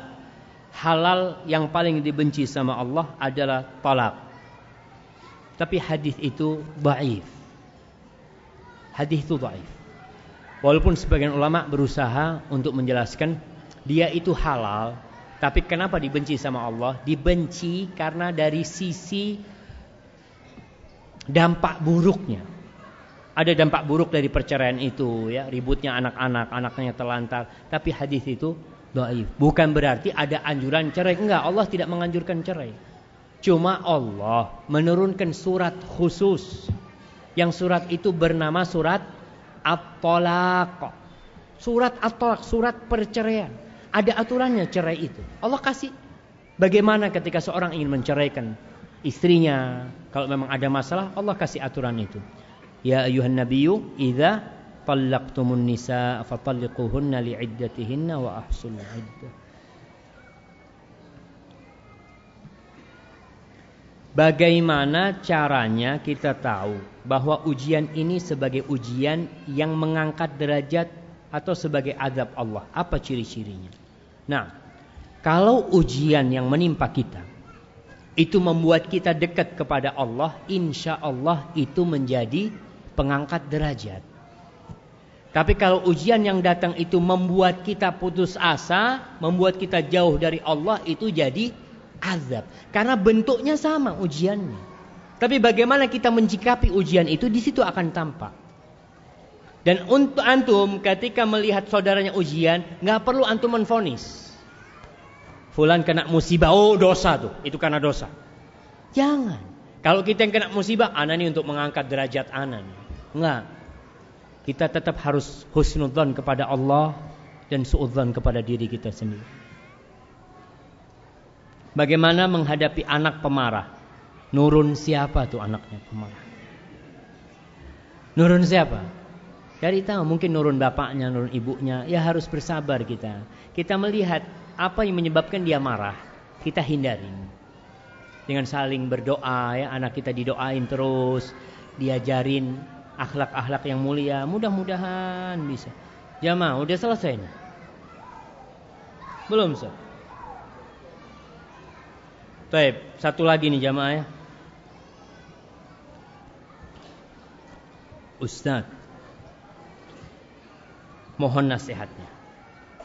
Ayah, ayah saya seorang yang tem temperamental, suka marah. Bahkan dahulu ketika mengingau, saya mimpi berantem ketika mengingau saja mimpi berantem. Masya Allah, bapaknya ini suka berantem memang. Hampir mimpi pun isinya berantem gitu kan. Namun Alhamdulillah, setelah saya ajak sholat jamaah di masjid sekarang, mengingau dengan cara membaca Al-Quranul Karim. Masya Allah. Namun permasalahannya, sikap emosinya yang masih besar. Masalah sedikit emosinya yang didahulukan. Terkadang saya ikut terbawa emosi. Mohon nasihatnya Ustaz. Jadi memang antum harus sadar, orang kalau sudah tua itu banyak yang berubah di dirinya. Ada orang tua nih datang ke dokter. Dok, anak nih penglihatan anak mulai agak rabun, Dok. Kata dokternya, "Oh, itu faktor usia." Terus, "Dok, anak punggung sering sakit-sakit, Dok." Kata dokternya, "Oh, itu faktor usia." Dok, dari tadi faktor usia. Terus pendengaran anak itu sudah berkurang. Iya, itu karena umur. Dok, dari tadi sudah karena Anda sampaikan karena umur, karena tua. Iya, ini pun karena usia. Ente marah-marah ini pun karena usia juga. Nah, orang itu kalau sudah usianya tua ya, terkadang dia kembali seperti anak-anak. Kalau tadi disebutkan orang tuanya suka emosi, ceritakan kepada dia tentang pahala orang-orang yang menahan emosinya. Sampaikan kepada dia tentang penghuni-penghuni surga yang kata Allah wal kadhiminal ghaidha wal 'afina 'anil nas wallahu yuhibbul muhsinin Penghuni surga itu adalah orang-orang yang menahan amarahnya. Itu penghuni surga. Yang suka memaafkan orang. Sampaikan juga kepada orang tua kita tentang indahnya orang yang menahan emosinya. Pelan-pelan tapi kalau ngasih tahu orang tua tuh jangan langsung bacakan hadisnya. Jangan. Tapi tulis, ayah, aku menemukan sebuah hadis, wahai ayahku. Kira-kira hadis ini benar enggak ayah? Ternyata hadisnya hadis laisa syadidu bisur'ah walakin syadid alladhi yamliku nafsahu indal ghadab. Bukan orang yang jawara, orang yang pemberani, pendekar itu adalah orang yang bisa mengalahkan orang lain. Nah, tapi yang disebut pendekar adalah orang yang bisa menahan emosinya ketika dia marah. Sampaikan kepada itu. Kalau orang tua sedang marah ya, ya katakan Ya ya, anak minta maaf. Ayah bisa duduk dulu, kita selesaikan masalahnya. Kalau lagi berdiri kan disuruh duduk. Dengan cara yang baik kita ngomong. Jangan ngomong, eh ayah kalau marah duduk. Berantem, anak. tapi ngomong, oke okay, ya, kita selesaikan masalahnya. Tapi anak minta ayah duduk dulu. Ketika duduk tuh emosinya akan turun insya Allah. Hadza wallahu a'lam ya. Sisa pertanyaannya Anda nggak bisa jawab. Anda mau kasih hadiah nih. Sebutkan cara menghadapi atau menasehatin istri yang keras kepala. Mana mana? Masya Allah, fabel. Yang pertama, meningkatkan ketaatan kepada Sang Pencipta.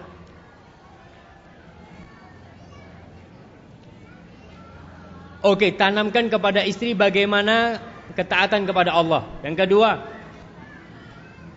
jamaah, antum dapat yang terakhir doang. Tapi nggak apa-apa lah, kasih hadiah lah. Tiga cara yang Allah sebutkan di Al-Quran untuk memperbaiki istri yang punya salah. Nah, mana-mana nih? Fadl. Antum udah menikah? Belum, nggak apa-apa lah. Fadl. Yang pertama, yang pertama kasih nasihat, nasihat yang dibalut dengan cinta dan kasih sayang. Yang kedua,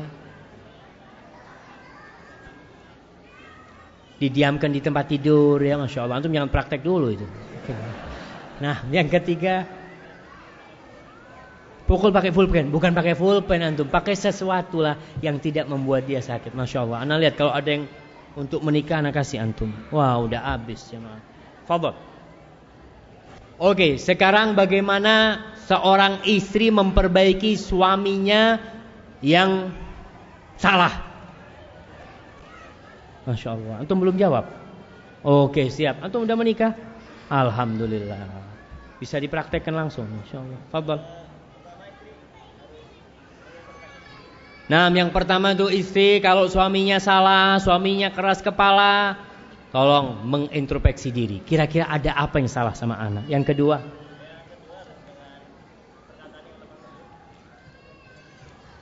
tukar pikiran. Iya, tukar pikiran dengan bahasa yang lemah lembut ya, bukan nasihati suami ya, bahasanya paling enggak ya. Yang ketiga, berusaha untuk membuat suami senang. Barakallahu fikum. Nah. Baik. Pertanyaan selanjutnya. Pertanyaan terakhir nih jamaah. Sebutkan enam hal hikmah dari permasalahan di dalam rumah tangga. Masya Allah, yang angkat tangan duluan di sini jamaah. Oke. Satu sebagai penghapus dosa. Mudah-mudahan menjadi pelipat pahala Bentuk cinta Allah kepada hambanya.